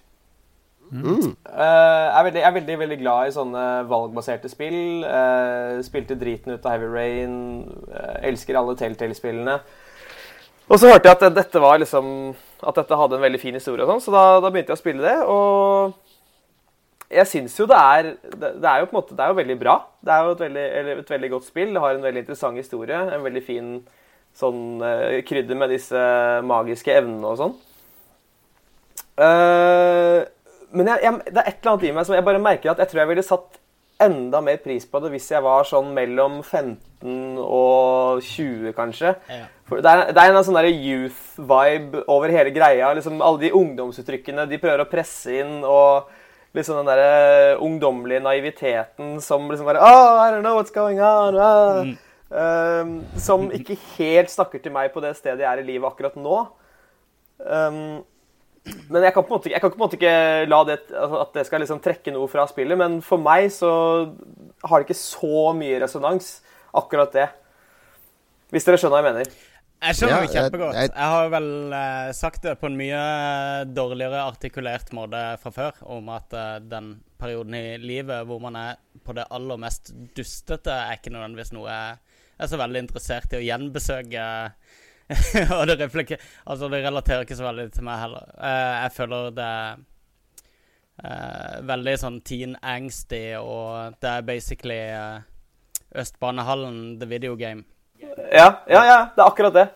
Uh, men jeg syns jo Det litt er jo, du kan jo kalle det nesten en eh, sånn ungdomsroman i spillform. Altså, det er jo noen romaner som man sluker som ungdom, som kan være med å, å definere det og resonnere hos deg når du er ung, uh, som kanskje ikke er like relevant ti år senere. Og jeg føler særlig det liksom i de første tre episodene, i hvert fall. uh, før det liksom virkelig begynner å spisse seg til og blir ordentlig mørkt, egentlig. uh, så føler jeg veldig at liksom det er det som er, det som er greia, da. Men mot slutten så blir det jo bare helt sånn Fy faen, dette er jo Dette er jo ganske heavy greier. Men det er mange som har det som sitt favorittspill fra i fjor. Jeg har sett mm. ofte unge folk, så det, det, er, det er nok noe i analysen din, Hasse. Eh, men vel verdt å spille, vil jeg påstå, Ja. om man liker de der narrative spillene. Det er, det er litt annerledes enn Telltale sine, eh, både i oppbygging, men også i eh, dramaturgien, vil jeg kanskje si. Ja. Telltale sine føler jeg ofte er litt sånn der eh, stakkato og ja, litt sånn statisk oppbygd med sånne scener der du står her og du står der, og så skal du gå dit. Og jeg føler det er litt mer kanskje troverdige Ja. scener i, i Life is Strange. Det er liksom det, det føles, det føles mer, eh, mer organisk. Det, det jeg føler kanskje Telltale gjør best, eller, eller gjør bedre, i hvert fall med, med Walking Dead-spillene, da. eh, I hvert fall den første med, med Clementine og sånn, er liksom at de Det er flere av de valgene jeg måtte ta i det første, første Walking Dead-spillet som jeg fortsatt sitter igjen med, er sånn Fy faen, tenk at jeg gjorde det! Ja. Det har vært jævlig. Ja. Altså, du, det er sånn du har valget mellom å For å komme deg ut av, eh, av et rom, så må du drepe Altså, du må drepe noen. Og det er bare sånn, sånne utrolig, utrolig mørke ting. Og det har ikke jeg fått av det spillet her. Nei. Helt enig. Um, det, men det som er greia med, det, med Life is Strange, er først og fremst håndverket. Altså jeg, jeg, vil, jeg vil kjempemye at de skal lage et nytt spill. Og som er kanskje ikke samme tematikken, men jeg vet at det blir bra. For de, de har bevist at de kan lage solide spill som er dødsbra i absolutt alle ledd. Jeg vil bare ikke at det skal handle om en sånn angsty eh, teenager. Jeg vil helst at det skal handle om noe jeg kan relatere til. Eh, noe litt mer interessant. Ja, helt enig. Som ikke er fullt av sånn krampete name-dropping og eh, sko mobbing og blått hår. Ja. Eh, Det, Ja. Vi går videre til uh, Lars. Du har endelig Vi har jo en av våre lyttere er jo en hardcore Broforce-fan. Uh, Broforce er jo dette 2D retro action-plattformspillet som liksom spoofer alle 80-talls actionfilmer og actionhelter. Mm. Uh, på en sjarmerende og ekstremt ganske vanskelig måte. Og du er Nå er vel Det er gratis denne måneden på PlayStation Plus, er ikke det? Ja, Broforce. Kom på tirsdag forrige uke. Tirsdag-onsdag forrige uke. Ja, nettopp. Last ned alle PlayStation Plus-medlemmer. Absolutt. Nå når du har sjansen. Du har prøvd det, Lars. Ja. Hva syns du om Broforce? Ja, Som du nevnte, så er det jo enten uh, Magnus Eide Sandstad som har den R-Dritt-podkasten, en av de. Han mente jo mm. det var beste spillet i fjor, så jeg var ganske gira på å teste det ut. Så jeg har spilt det både i énplayer, toplayer, treplayer og fireplayer, for det ramler jo gjerne inn folk her i, i ungdomsbula eh, for eldre her i Harstad. og det er ganske morsomt. Eh, favoritten her er vel enda Helldivers, så vi, men vi er litt lei av det, så eh, jeg var klar for å få noe annet. Mm. Og når vi spilte toplayer, bare jeg og min venn Charter, så var det ganske morsomt. For det, det ser litt ut som det her Mercenary Kings eller Metal Slug-type spill. sånn 2D, mm.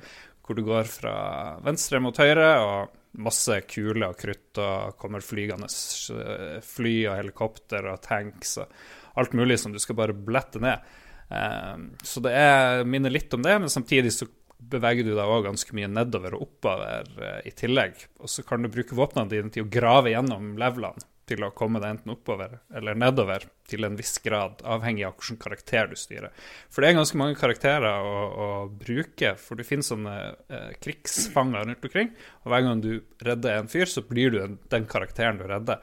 Og da er det enten eh, Brambo, som er Rambo, og det er Brobocop, som er Robocop, og det er, det er liksom alle mulige. Mr. Anderson fra, fra Indiana Jones òg, jeg kjenner. Ja, det er ganske mange bra sånne kjente actionhelter. MacGyver og mm. utrolig mye gøy. Terminator. Og det er veldig morsomt med ulike ting. Så toplayer så funka det skikkelig bra. Eh, Merka litt sånn slowdown av og til, og hver gang du bytter karakter, så fryser spillet i ett sekund. Det har fått mye kritikk for det, og det, det, er utrolig irriterende. Spesielt når bomber begynner å regne ned sånn, uten at du får lov å røre det. Men så spilte vi treplayer, og da ble det nesten helt umulig å spille, for du ser ikke noe av det som skjer, for det er så mye eksplosjoner. Alt mm. eksploderer. Det er sånne tønner rundt omkring hele tida.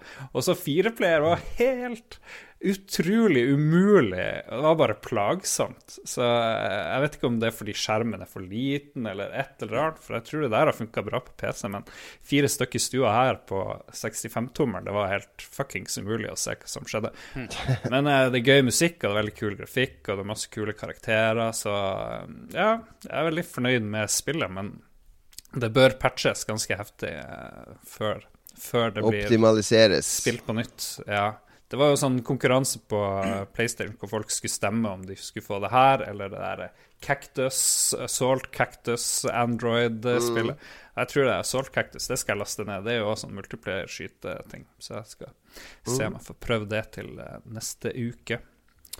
Men ikke noe essensielt kjøp på PlayStation i dag, vil jeg ikke si. Det er jo gratis, da, hvis du er plussmedlem. Da er det essensielt.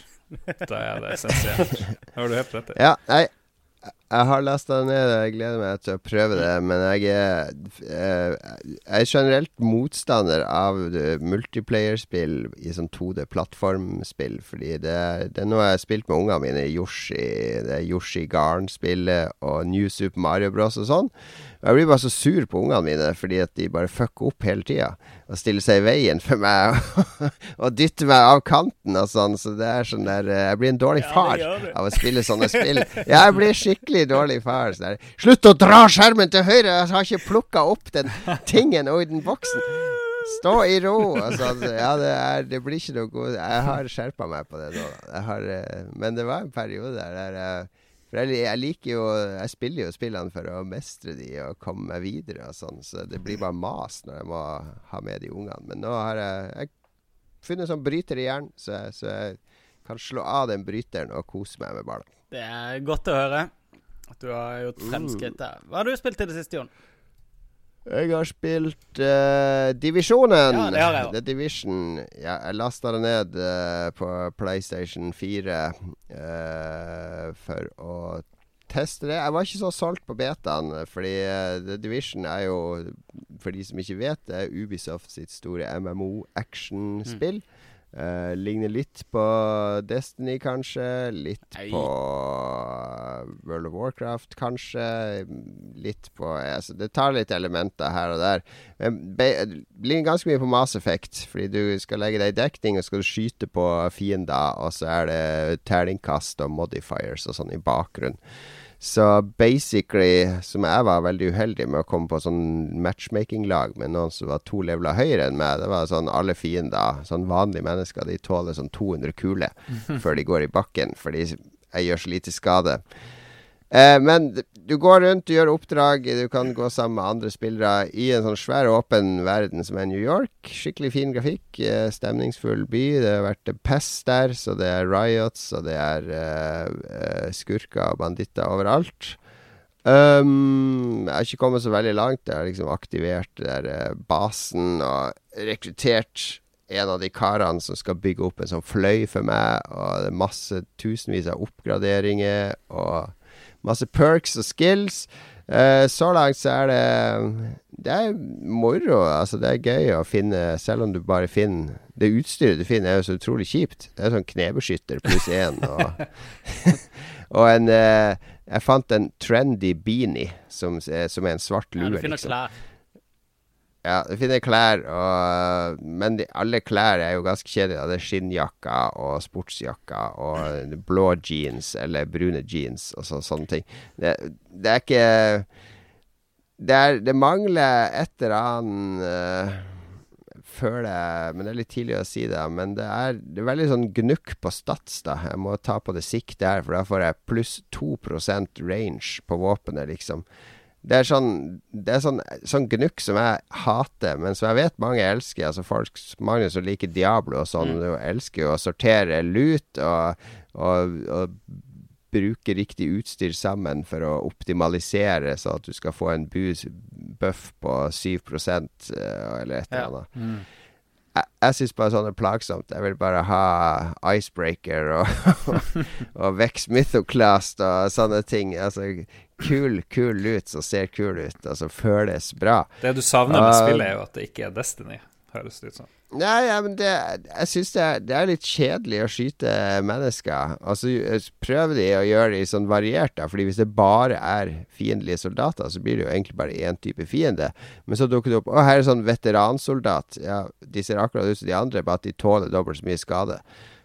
Jeg, jeg syns det virker litt sånn uh... Mye, mye røde hettegensere ute og går, og de, de ser ganske like ut og har samme, samme stemme og replikker. Ja, jeg føler at jeg kommer til å Jeg skal reise på GDC på lørdag, og jeg føler frykten min er at jeg er lei av det spillet før jeg drar på GDC, liksom.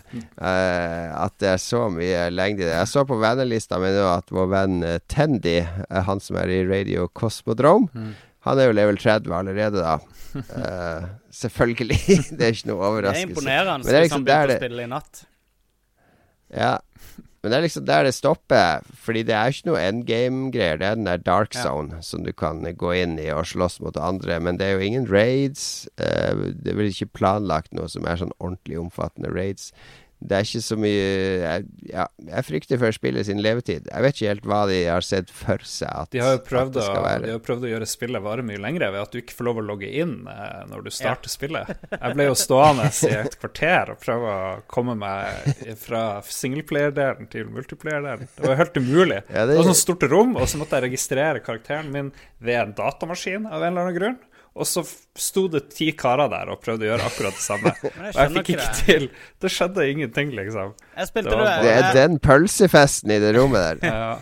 Ja, Magnus spilte jo på Xbox. Der er det bare fem andre Ja, er spillere. Så det gikk jo Nei, men der var det òg et, eh, var det også et sånn stappfullt rom i begynnelsen, og eh, jeg skjønner ikke helt hva du mener med hva du måtte aktivere, som ikke de Eller som du måtte stå og vente. Det, var, det er mulig de bare ikke har hatt Hatt det i Xbox-versjonen, jeg vet ikke. Men det var aldri noe problem liksom å aktivere noe, eller Eh, Ja, det tar ett sekund. Du må holde inne knappen i ett Ja. sekund. Men hvis noen andre trykker på datamaskinen mens du venter på at det sekundet skal gå, så, så blir du kasta ja, ut. men eh, Så folk står der desperat og trykker på den knappen for å få lov til å trykke på den datamaskinen, og så er det ingen som får lov fordi alle canceler Men jeg var også inne i et sånn stappfullt rom, og det var i hvert fall ikke noe issue for min del.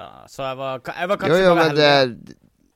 Det er jo en grunn til at det er memes om det, Ja, ja. og videoer om det, og artikler om det, så du var, du var nok Ja. heldig. Um, men jeg har spilt det til level Jeg tror jeg ble 13 eller 14. Jeg har spilt ganske mye. Jeg har spilt i Mm. hele dag. Um, uh, snart runda det. snart runda det. Det jeg gjorde, var jeg spilte bitte grann alene, og jeg har spilt litt i beta også. Og så hooka jeg opp med en kompis som var ti leveler høyere enn meg, og tenkte jeg skulle teste litt eh, de forskjellige eh, de, Den teamfunksjonaliteten der, bare. Og, og spørre han en, en del spørsmål om hva jeg hadde i vente litt seinere i spillet og sånn. Og uh, de, de har på en måte Hvis du teamer med noen som er høyere level enn deg, så, så er du bare med i teamet, men de scaler Alt som blir tilpassa, er på en måte lute som dropper, og XP-en du får, det er akkurat det samme som om du hadde gjort noe på din level. Men, men du blir ikke like sterk som vennene dine. Så du kan liksom velge mellom å spille alene eller med fremmede og liksom være nyttig på et lag. Eller få akkurat den samme XP-en og spille med kompiser og bare være liksom ta over, så ikke ha noen mulighet til å utrette en dritt.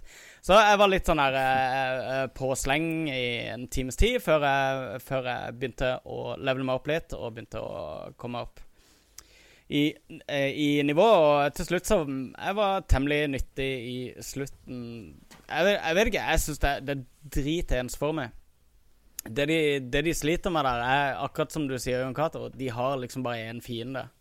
Um, men du slutter liksom å, å dømme dem på at de er folk, og heller på åssen At du har én fiende med flammekaster, og så har du ikke sant, altså, de forskjellige våpnene. Mm. En med flammekaster, en sniper og de vanlige.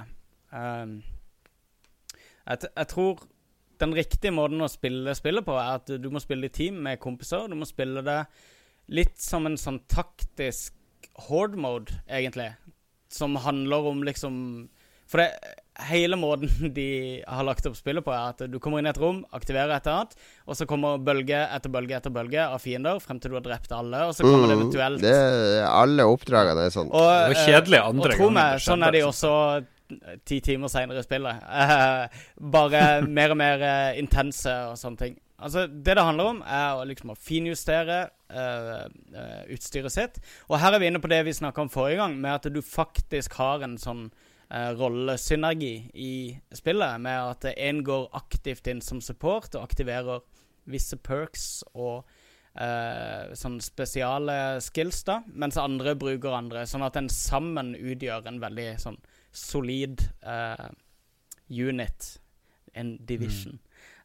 mot eh, mot uh, bølge etter bølge etter bølge av den samme fuckings fienden. Det er ganske morsomt hvis du spiller sånn. Begge jeg spilte det samme med militærfolk, så de hadde veldig det taktiske inne, da, så det var litt gøy å spille sammen med de. Og jeg tror kanskje jeg kommer til å gå tilbake til det, men det er ingenting jeg har lyst til å spille alene. Jeg merker det med en gang. Det er, det er ikke et solospill i det hele tatt. Storyen er platt og påklistra, og det er litt sånn kjedelig. Det er et eller annet sånn her eh, mystisk En eller annen mystisk story de skal frem til der med uh, noen konspirasjoner som har skjedd i bakgrunnen og sånn. Og de, alt er liksom proft og polert og riktig og sånne ting, men det er veldig, veldig kjedelig. Det er litt som de andre Tom Clancy-spillene. At uh, altså, du spiller ikke Rainbow Six og Ghost Recon fordi det er så fuckings bra story, liksom. Det er liksom ingen, ingen som grein i slutten av Advanced Warfare. uh, så What? Nei, men ikke sant Ja, Hasse gjorde det. Jeg gjorde det. Ja, jo, men ikke sant, det er dealen, da. Altså, du får, du får Altså, det er en online-versjon av Tom Clancy-spill, ikke mer, ikke mindre. Og mekanismene er lagt opp til å tåle bølger av fiender. Og du finjusterer våpnene dine, og du, du har veldig mye oppgraderingsmuligheter. Men i hvert fall i begynnelsen så er det, som Jon Cato sier, det er sånn her 2,5% på et våpen som gjør 100 damage. Det, liksom, det har ingenting å si. Men seinere i spillet så har du mye råere våpen. da. Du kan begynne å crafte ting, og du kan bygge opp disse vingene i basen din. og Det er veldig mye ekstra å gjøre, men det spørs om det har levetida. Vi får se. Det er Vi får Kan jeg se. nevne et annet spill? Fordi at jeg har endelig eh, Jeg har funnet mitt, uh, min metadon fra Diablo-heroinen. Noe jeg er veldig glad for. Ja.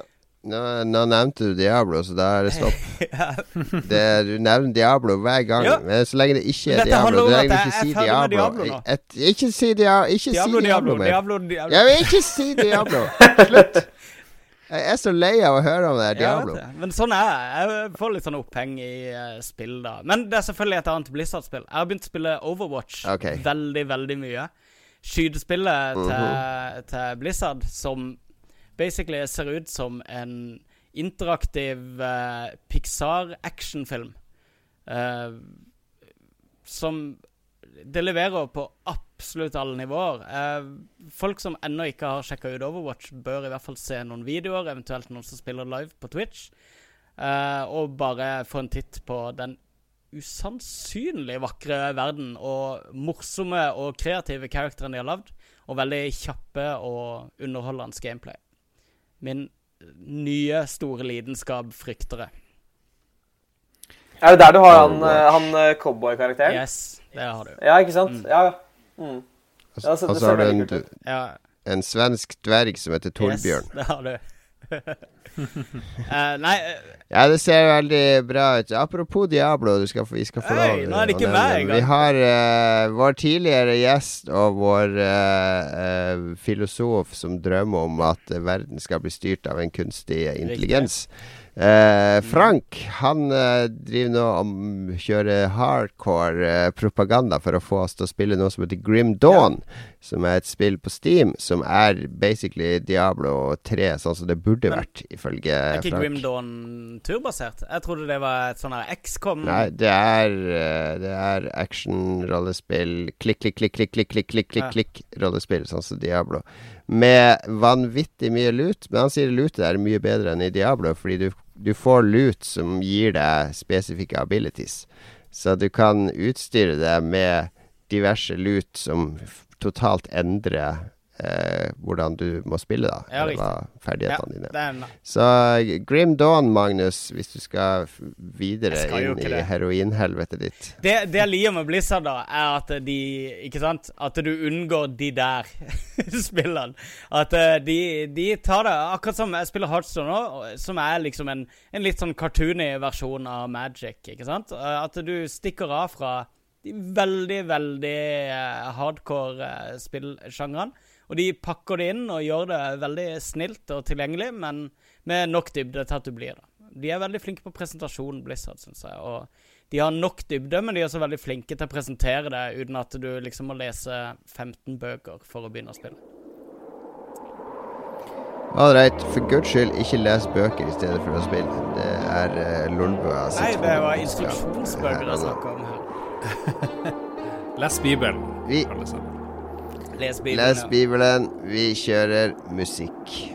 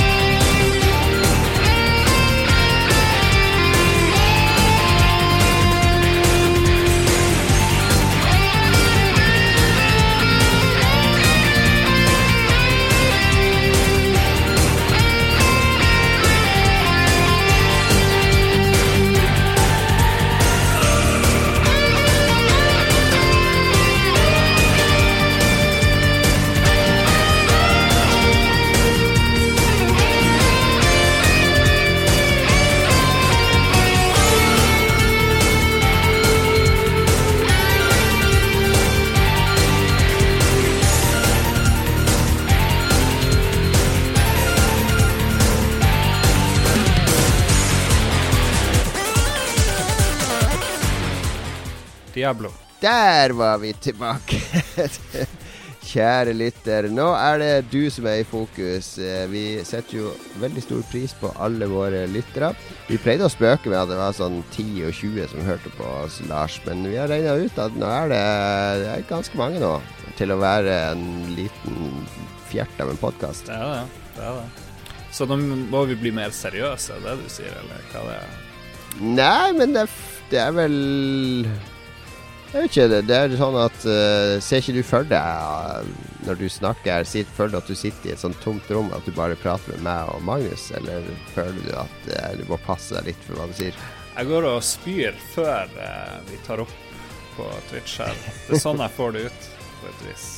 Av ren nervøsitet. Nei, da, nei, det føles det fall for, men for å svare Nei, det føles ikke ut som vi prater til så mange. Jeg føler jeg prater mer med dere. Ja, jeg er helt enig. Du er mer opptatt av det her eh, publikum, jo. Det, ja. Jo, men jeg har unger som hører på det her, og eh, jeg har eh, jobb eh, som jeg må representere. Og, og, Jeg, jeg, har, jeg har bare legen min, Petra, som hører på. Du har Petra. Ja. Men uansett, lytterspalten, det er ditt bord, Lars. Du har jo vært vår los gjennom uh, mørket, der lytternes fyrtårn guider oss fra kyst til kyst på jakt etter eh, skatter, kjærlighet og oppmerksomhet. Ta ordet, Lars. Jeg vil eh, dedisere, eller hva det heter, ukens lytterspalte til Gud. Uh, så har vi gjort det. Første spørsmål kommer fra Kurt Arne Strømmen, eh, som lurer på om noen av oss er Shenmue-fans. Shenmue. Okay. Shenmue. Shenmue? Hva er rett uttalelse? Sjøl er jeg glad for å endelig, etter å ha venta i over 14 år, eh, kan få spille del 3 og få avslutning på historien. Mm. Jeg har backa Var det ikke treeren nå som gikk på uh, kickstarter? Ja, jeg backa det. Og angra umiddelbart. Jeg tror jeg fikk 7000 mailer bare de neste 24 timene. Jeg har aldri blitt spamma så mye som på det prosjektet der. Og jeg, jeg sånn, Entusiasmen min er helt sånn jeg bare akkurat over null, som var nok til å backe prosjektet. Men eh, Nei, jeg har eh, Det går rett i søppelkassa hver gang jeg får eh, mailer om det. Jeg er ikke noen fan av Shenmue. Alle syntes det var så gøy at eh, ja, du må være hjemme på et sånt tidspunkt, og så må du dra på jobb og sånn. Og så, så gjør jeg jo på en måte det. Hvorfor, hvorfor backa du det? Nei, jeg sier jeg hadde et interessenivå over null, og derfor så, derfor så backa jeg det. Men, eh, men eh, det, det daler. Jeg var aldri en stor fan av det, men jeg, jeg håper jo at de skal lage et Det er jo helt livsfarlig for deg å være på kickstarter hvis alt som du, som du ikke hater, er sånn OK, det kan jeg Neida. backe. Det var, jeg tenkte liksom det var kult at det kom tilbake. Det er sikkert sånn Spillkvalitetsmessig så var jo i hvert fall Shenmue 2 ganske kult. Eh, jeg likte måten de la inn veldig sånn dypt gameplay i helt sånn der uh, uviktige, bitte små deler av spillet. Um, men men uh, nei, Ja. som sagt. jeg har backa det, men det stopper der. Entusiasmen min. Jeg likte de kjempegodt, Shenmue 1 og 2, men det var fordi de brøyt med alle konvensjoner og lagde sine egne regler og la en masse hinder i veien for spilleren og tvang deg til å holde ut ting. Og hvis du holdt ut, så fikk du masse igjen for det. Jeg husker spesielt at det, det er jo sånn dato, da. Det går fra dag til dag. Og de datoene går fremover. Så når det kom til desember, så hadde de plutselig pynta gaten med julepynt, og det sto en julenisse på et hjørne med en sånn bjelle. Og det var, de var veldig flinke til å lage en sånn levende verden, da. Eh, men han, Kurt Arne sier han gleder seg til å få avslutte på historie. Jeg må gladelig innrømme, eller ærlig innrømme, at, at jeg tror det er noe med at far din blir drept, eller noe sånt, i starten. Ja, ja, ja, Altså, altså det eneste el- ellers jeg husker, er at jeg kjører eh, gaffeltruck på et lager og går på kryss og tvers i den byen på evig jakt etter noen som kan fortelle meg noe. Mm. Så jeg husker ingenting av historien. Hva- Var disse, var disse spillene bare på, på Dreamcast? Uh, nei, det kom på Ja. Xbox. Uh, Ja, det kom på Xbox, ja. Ja. Nei, for jeg, jeg, jeg har aldri spilt det. Jeg har bare sett på en kompis spille det. Jeg husker at jeg likte det veldig godt fordi jeg hadde ikke, det var på et tidspunkt ikke hadde råd til å dra til, til Japan, men jeg kunne liksom bare se Det var veldig gøy å se noen gå gjennom uh, uh, autentiske gater i Japan. Ja, ja, riktig. Det er, liksom det, det, er, liksom- det er liksom det jeg husker av det. da. Jeg husker ikke noe av gameplay, bare at å, så gøy å være i Japan. Mm. Og, og jeg, ple, jeg pleier jo alltid pleid å si til Shenmue-fans at den åndelige arvtakeren til Shenmue er jo Yakuza-spilleren Ja. til Sega. Så, og de er veldig kule. Da, De er veldig de, har kule. sånn, de er sånn besatt av eh, å fremstille eh, japanske ting veldig detaljert. Altså Du går inn i supermarkedet og sånn, så er det sånn Alt skal være riktig, og disse magasinene kan du bla i, sånn sportsmagasin, og bare få helt sånn meningsløs info. Det er bare Alle whiskyer skal være, se riktig ut, og det, det, det er veldig, veldig kult spill som har den absurditeten til Shenmue òg, fordi du har tusen sånne minispill der òg som ikke har noe med hovedspill å gjøre. Um, Jan Christian Hegel, vår eh, mest fasteste lytter, uh, spør om hvis vi kunne bare gjort én ting i Japan, hva ville det vært da? Han kommer med noen forslag her, da. Love Hotel og robotrestaurant. Jeg så aldri en robotrestaurant da jeg var i Japan. Spiser Love Hotel, så jeg. på uh, robotrestaurant? Ja, jeg tror det. Eller er det roboter De- som spiser der? We don't serve your kind in here. We don't serve your kind in here. Var du på robotrestaurant, Hasse, da du var i Japan? Uh, Jeg var ikke på, på robotrestaurant. Jeg var derimot på en restaurant som het uh, Alien ER. Som var, det var en restaurant der uh, du kommer inn, og så er det som om du er i en slags fengselscelle. Du sitter bak gitter. Eh, og så kommer uh, servitøren inn i sånn sykepleierkostymer og serverer deg mat i liksom, reagensrør og, og hodeskaller. Og hver halvtime så går det en alarm. Og da kommer det folk inn i alle cellene, og så sier de én person må ut. Så tar de en tilfeldig person, bærer den ut, og så tar de av ham på overkroppen uh, og kiler han. Og dette, dette var jeg med på på, på nyttårsaften i 2007, og det, det, var, det var helt fantastisk. Men ja, de, de tar det og kiler det, og så ler du. Ja, ja de, de, tar det, de er i masker, litt sånn alien-masker. Tar deg ut uh, og tar av deg, og så Og det, det var meg. Og så, og så blir du bedt Nei, så blir du liksom båret tilbake igjen til bordet og kan spise tilbake, og så, og så kan, du full, kan du fullføre måltidet ditt og snakke om andre ting. Ja. Men i hvert fall uh, Nyhetene, ja. Beklager det. Uh, Ja, men Sorry at det skjedde. Ja, ja. Men svar på spørsmålet hvis vi bare kunne gjort én ting i Japan. Ja. Dere som ikke har vært i Du har ikke vært i Japan, Magnus, har du det? nei, jeg Hva tror sett du du ville gjort? Uh, jeg tror jeg en god stund i forveien hadde prøvd å reservere meg et bord med, i den der sushisjappa til han Giro i den der uh, Giro, Giro Dreams of Sushi. Sushi. Ja. I T-banen Yes. der. Nei, ja, han Ja. sin ligger ikke på en Ja, ligger T-bane. nede i Jo, den dokumentaren er jo i nedgangen Ja, til. T-banen. Det er mulig. Men eh, det er i hvert fall eh, i den uh, I hans restaurant kunne jeg godt tenke meg eh, liksom sushisjappa over alle sushisjapper. Det hadde vært kult. Det kunne jeg tenke meg. Å besøke det der fiskemarkedet der på morgenen Det Ja. veldig fett. Har du vært der, Hasse? Bare tre ganger. Åh. No biggie. Jeg var lei nummer tre. ja. Nei, hvis jeg skulle, hvis jeg skulle gi en, en anbefaling, så er det eh, Altså På slutten av mitt Japan-opphold, da, da jeg var der første gang, så, så hadde jeg veldig lite penger da vi nærmet seg slutten av oppholdet. Eh, og så bestemte jeg meg bare for at nei, nå skal jeg bare splæsje alle pengene mine på én ting, og så skal jeg dra hjem.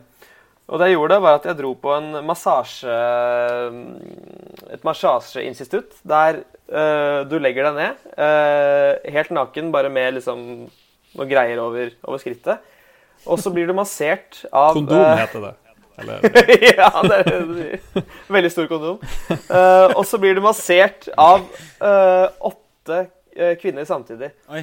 Ikke på en seksuell måte, men uh, de står rundt deg og bare masserer alle uh, kroppsdeler unntatt uh, skrittet Wow. samtidig. Helt Wow. fantastisk Har de opplevelse. òg på seg alien-masker? det kan fort se sånn ut. Ja. Ja, nei, det er Jeg, jeg tror jo jeg, jeg Så der ville eh, du dratt? Hvis ja. ja. Jon?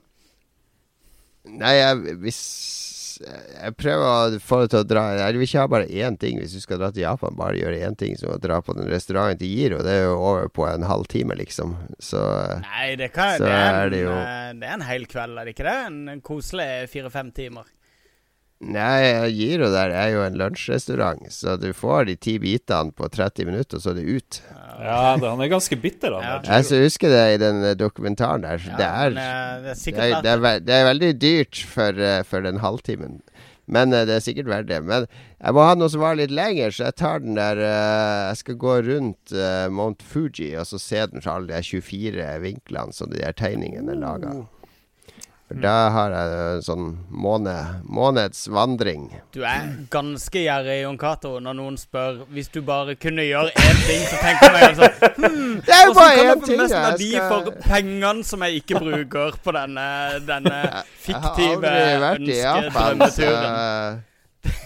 så jeg har aldri vært i Japan, så Hvis du fant en så- koffert med penger, Jon Cato ja, Det hadde jeg investert i aksjer som var diversifisert og trygg, en trygg eh, vekst. Sånn at jeg hadde mye penger igjen på l lenge seinere. Det ville jeg I gjort. løpet av 40 år, Helt ja. riktig. Helt riktig. Nei, det var, Det men det var uansett det et veldig godt svar. Men det var bare veldig, veldig gjerrig av deg samtidig, syns jeg. Det fins bare ett rett svar på det spørsmålet. Det er er å fære ned og sjekke dame. Ta seg en eh, ekte Jeg er blond og passe høy, og eh, ifølge Hasse så er man ganske godt utstyrt, eller jeg husker ikke helt hva det, dreier seg om. og så Og jeg anbefaler det gøyeste ute jeg hadde, det var på halloween. Det var helt konge. På et av de gigantiske uteplassene. Jeg husker ikke hva det het, om det var Gas Panic, eller jeg husker ikke hva det Ja, heter. ja. her, eh, ja, litt sånn uh, vulga, vulgære greier. Men jeg var, jeg var både i Roppongi og Shibuya på, på eh, halloween, og herregud, det, det var gøy. Så en blanding. Hvis man liksom får velge dag og aktivitet, så blir det sjekke babes uh, på, på halloween, tror jeg. Ikke babes på halloween. Hvem, hvem, eh, hvem er det som er singel her? Jeg fikk en gang, jeg fikk en gang høre altså, jeg fikk en gang høre at jeg, av en japansk dame at jeg ligner på uh, David Beckham and Orlando Bloom. altså, jeg ligner på begge de to, Ja, ja. og det Nice.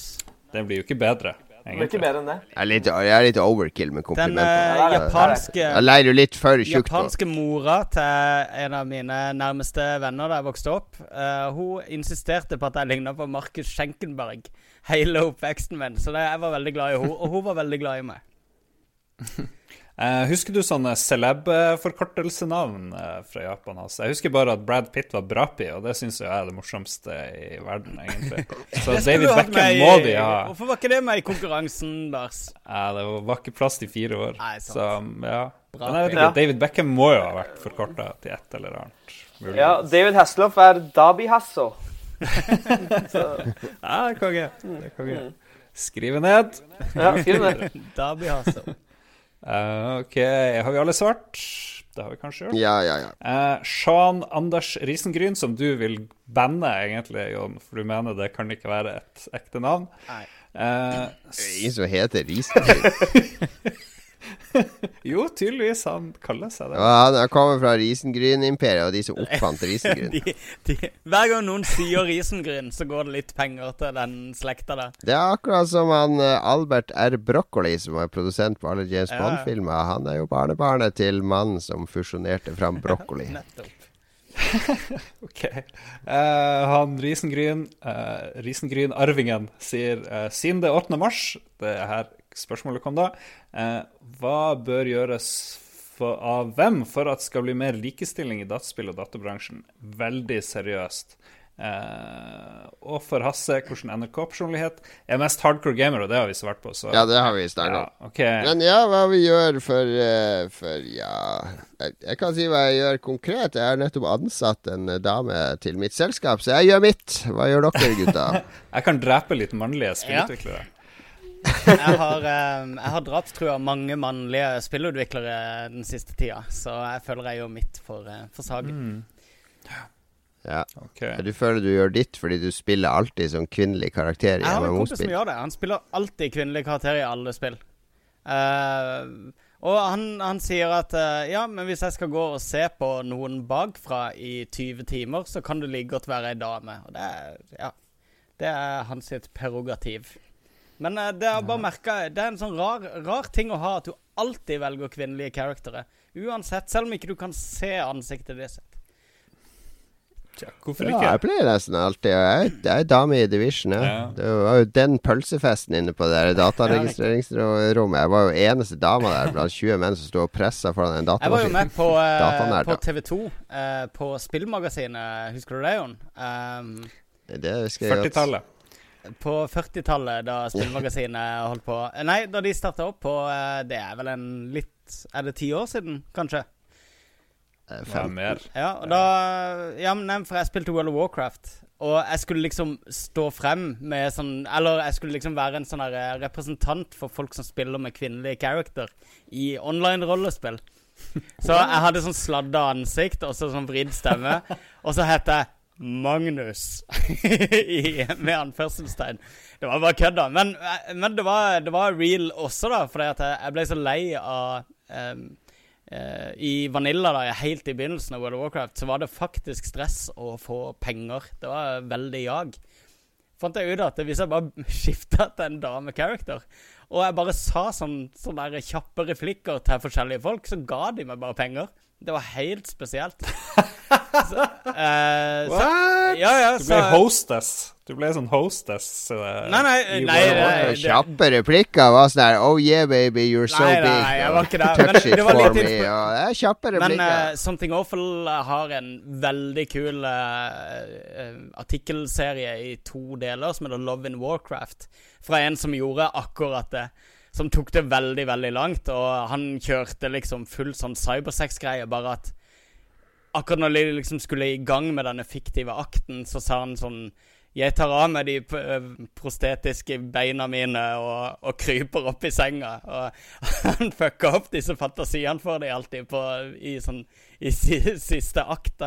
Og, eh, men og da svindla de for mangfoldige tusen gull. Jeg var ikke så rå, men jeg, jeg gikk bare Jeg ga sånn uh, That's a cute pet og brukte mye sånne emoticons og Eller sånn smileys og sånne ting, da.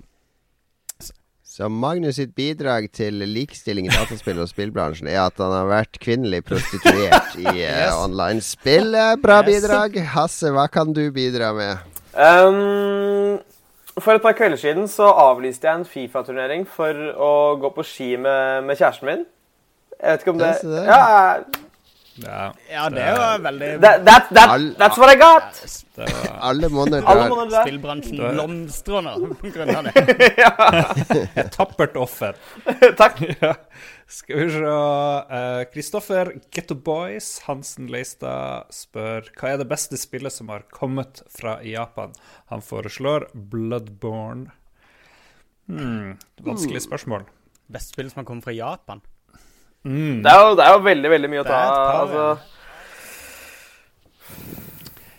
altså, jeg føler, jeg føler liksom at liksom på topp fem-lista så er det jo allerede liksom Ganske mange av dem er jo japanske. Um, Men, uh, er, jeg syns jo at uh, de nye 3D Mario-spillene er de beste. Uh, er alle lagd i Japan? Er Super Mario Galaxy lagd i Japan? Ja. Ja, ja, ja. Jeg, jeg vil holde en finger på Jeg tar én finger på Super Mario Galaxy, og så skal jeg tenke videre på det. Men det er i hvert fall et av de bedre spillene som er kommet fra det landet. Ocarina of Time er jo kanskje Ja. en av mine Mm. Ja. Altså, jeg tror, jeg, jeg, hvis man liksom kan tolke det litt sånn i en annen retning altså Hva, hva er det liksom beste Japan Altså Ja. Det beste spillet som på en måte viser eh, Japan. Japan. eller som har en sånn japansk ånd, eh, så vil jeg f.eks. kanskje si for min del Okami. Ja. Det, for meg var det bare sånn ut, utrolig fant- fantastisk opplevelse, og det er et veldig japansk spill Det det. eh, som, også, som også slo an i, i Vesten. Ja. Uh, ja. Um, for, for altså Ja. Ja, jeg velger Picross på DS. Det er, eh, det er sånn japansk eh, kryssord fra avisa som er overført i spillform, som er eh, Jeg har mange hundre timer med Jeg Det opplever ikke det som sånn veldig japanske formen. Det føles litt sånn britisk, nesten, i måten det er lagt opp på. Ja, de, jeg kjøpte på Narvesen for en sånn hyttetur. Da hadde de fått inn et Picross-blad som det, der det sto eh, om opphavet Ja, ja. og bla, bla, bla. Og så var det, det var ikke så gøy å løse Picross på papir da som det er ja. på skjermen, men Jeg liker Picross, men det er, det er jo umulig. Og det er 100 favoritter jeg kunne sagt i stedet for. Så det er, det er altfor mye bra fra Japan. Det er er, altfor eh, mye bra fra Japan. Du hørte det her først. Det må bli mindre bra. En ka- Jeg, jeg, jeg glemte det, det jeg burde sagt i stad. Uh, Nino Kuni, faktisk. Oi. Okay. Nino Kuni, ja. Ja, det er fett. Det er jo Hvis Og du, nå er toeren annonsert. Ja, jeg gleder meg. hvis du liker Ghibli, så er jo det, det er jo en drøm å spille det Nino Kuni, sånn rent visuelt bare. Men ja. Jeg håpet på at det skulle spill. komme på PS4, så jeg, jeg har fjerna min PS3 fra stua. Så jeg fikk aldri runda det. PS Vita, Hæ? mener du vel? PS Vita er vel det du håper på? Jo, jeg håper på, selvfølgelig på en Vita. Magnus er vår Vita-konge, Hasse. Det er hans Jeg er. Vita-kongen. Nei, nei, nei. Jeg, nei. har, um, jeg har bare fått den rollen. Det var ingen andre som ville ha den. Så jeg han som uh, I verden? eh, Du, uh, Ja, uh, han trampa inn i den rollen sjøl, men det er en uh, annen Yes. historie. Det, det han fått, han er stempla av våre lyttere som Vita-mannen vår, så han slipper ikke unna. Men jeg, jeg bare tenkte på noen greier. Er, er Ghibli-ånden den der litt sånn barnlige og, og Det onde er ondt, men det er også snilt på et vis ofte. Eh, er det noe som er litt sånn typisk òg for de Zelda-spillene og, og de universene der? Faktisk er det eh, Jeg runda nettopp Ori and the Blind Forest sånn ordentlig. Og det, det spiller For det er jo superjapansk, selv om det ikke er japansk. Eh, og de spiller veldig på det. Det er tydelig at de er Ghibli-inspirert på akkurat det der med å liksom presentere det gode At det er ikke Det, det, det finnes ikke nødvendigvis noe ondskap. Alle har grunner til at de er kjipe mot hverandre, på en måte. Og um, det er de jo veldig flinke på i, eh, i Ghibli-filmene. Altså. Men er, er det, går det igjen i spillene?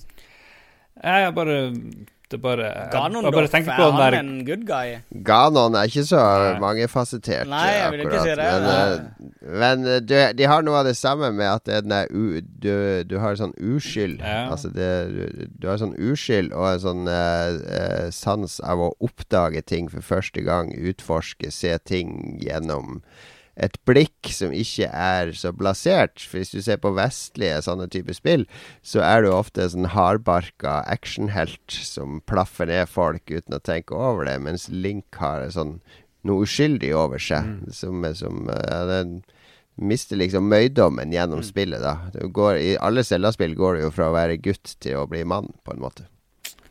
Ja. Nei, men bra. Ja, det er jo det ma- Ghibli-temaet er jo også ofte det. Vokse opp. Det er den overgangen mellom barn og voksne. Sånn sett føler jeg på en måte at Majora's Mask er enda mer i den retningen. Altså, at du er mer, mer sånn stakkarslig bad guy da, enn en, en Ganon. Mm. Ja, det er veldig fint. Veldig fint Zelda-spill. Uh, René Bjerknes Olsen lurer på hvilket spill uh, du, Hasse, ser mest frem til i år, og har du runda Fallout 4 enda? Eh, jeg kan jo begynne med det siste spørsmålet. Jeg, jeg er veldig redd for å liksom bli avhengig av spill, men, men Fallout-spillene blir alltid veldig veldig avhengig av. Uh, og jeg spilte uh, i hvert fall 70 timer med Fallout 4 eh, bare i juleferien. Og til slutt så jeg, skjønte jeg at jeg måtte bare runde det for å på en måte bli ferdig med det. For når jeg, når jeg har runda et spill, da, da pleier jeg ikke å spille det mer. Da, da føler jeg på en måte Jeg er ikke, jeg er ikke så veldig sånn completionist. Jeg bare runder det, og så er jeg ferdig med det. Um, så ja, jeg er ferdig med, med Fallout 4. Er du glad Um, for det? Eller uh... Nei, nei jeg, jeg, jeg, jeg skulle ønske jeg ikke hadde runda det, for jeg skulle ønske jeg fortsatt spilte det. Jeg savner uh, å bare løpe rundt i The Wasteland, egentlig. bare vente til første expansion, og så er du i gang igjen? Åh, ja åh. Når det kommer til hva jeg gleder meg til, så, så har jeg Jeg skulle ønske jeg hadde et eller annet eh, litt sånn kredibelt indiespill, men eh, for meg så er Uncharted-serien noe av det aller, aller beste jeg har spilt noensinne, særlig toeren. Ja. Så det, det blir Uncharted 4, altså. Ja. Det blir det. Hell yeah! Hell yeah! Flytta nok en gang. Nå kommer det Til ut i mai. 24. mai. Ja, ja, det var noe sånt. Eh, kjapt spørsmål fra Fredrik. Er det Fire Emblem Fates hype i Lolbua? Tja. Hell yeah! Hell Ikke så fan okay. av Fire Jo, Emblem. jeg driver, Jeg driver og spiller gjennom forrige Fire Emblem på nytt nå, da, bare fordi jeg gleder meg til Fates. Eh, men uh, det er jo driver og surrer veldig med en sånn europeisk dato der, så vi vet jo ikke helt når det kommer. Så jeg håper det blir ut på vårparten. Det er uh, mine favoritt-håndholdte strategispill, definitivt. Sånn, ikke for å smale inn noe, men det er favoritt-håndholdt strategispill. I hvert fall. Ja. Ja, det er lommestrategi. Ja, jeg er egen eh, ja. Vi kommer nok ikke gjennom alle lytterspørsmålene i dag heller, men vi tar de som er relatert til dagens sending. Eh, Rolf Helge Øvergård Ingebrigtsen lurer på hva er vår favoritting når det kommer til Japan. Vi har jo vært litt inne på det. Ja. Um, har vi noen kjappe favoritting? Um, godteri i Japan var litt bæsj, syns jeg. Det var drit, bare for å ta det motsatte. Ble aldri venn med det der naturbaserte godteriet mm. som ofte var her og der. Mm, favoritting Du snakka om onsen, de her varme kildene. Å, shit, det er så Ja. deilig å komme opp av de her sykt varme kildene. Aldri vært Det er så fantastisk. 60 grader er det vannet. Ja, det, Det er dødsvarmt. det- Går det an å ligge i 60 grader? Blir du ikke basically kokt? Eller Eh, er de nei, eh, nei eller, eh, vann, vann når kokepunktet på 100 grader. Hva sier du? Vann når kokepunktet på 100 grader. Jo, men jeg vet eh, Du har noe som heter Onsen egg. Som, er, som kommer selvfølgelig fra Onsen-kildene. Hvor damene Det var en sånn, er sånn gammel japansk tradisjon hvor de legger egg oppi de varme kildene. Og det ligger på 60 grader. Så når det ligger der i en times tid, så får du sånn posjert egg-type konsistens på plommer. da Som brukes i veldig mange sånn ramenretter og sånne ting eh, i Japan. Så, men 60 grader er dritvarmt. Jeg, jeg bruker det sjøl i det der Det er jo, det er jo sous Ja, ja. vide-temperatur. Ja, jeg er kjører det på sek- jeg, jeg, jeg bruker 64 grader da på, på de eh, jeg lager. Men de klarer jeg ikke plukke ut med hendene hvis de ligger lavt nede i vannet. De må jeg liksom bruke en øs på, sånn, for det er dritvarmt. Så det må jo være et eller annet høyere nivå på kildene som er kaldere eller noe. Der folk ligger. har ikke målt temperatur uh, der. Nei. Jeg har bare vært litt sånn Jeg er interessert i akkurat det. For meg er det selvfølgelig eh, den der eh, Bare for å snakke, snakke opp Japan litt, da. Eh, Framsnakke Japan litt. Så nå syns jeg dere bugsnakker Japan veldig. Eh, jeg syns vel eh, ikke overraskende at det, er den matkulturen der som er kul. Jeg liker den ideen om at de har veldig enkel, veldig sånn her uh, humble uh, mattradisjon, egentlig. De lager Det er egentlig ikke veldig, veldig flashy, de signaturrettene fra Japan, men det er bare så sykt forfina. Og de har den her, og der kommer den arbeidsmaurmentaliteten som går igjen i hele samfunnet der. Den der med bare jobbe, jobbe, jobbe, forbedre, forbedre, forbedre hele livet. Det bærer kjøkkenet der veldig preg av. At de tar veldig, veldig enkle sånn sauser og sånne ting, og bare de, de dedikerer livet sitt til å perfeksjonere det, og, og så fortsetter sønnen med å gjøre akkurat det samme. Det synes jeg er veldig fascinerende. Jeg, jeg trodde du skulle dra frem cosplay nå. Din favoritting Ja, det- fra Japan. det er jo cosplay. Å, overrasker. Det er jo cosplay. Nei, jeg har eh, Jeg drar jeg, sushi. Sushi. Jeg er veldig, veldig veldig glad i sushi. Det er min favorittrett nå Ja. for tida, så Ja, for, for dere som ikke har prøvd det, prøv det. altså Teste ut. Ja, det er, det er noe du får kjøpt i de der sånn sære sjapper i storbyer. Ja.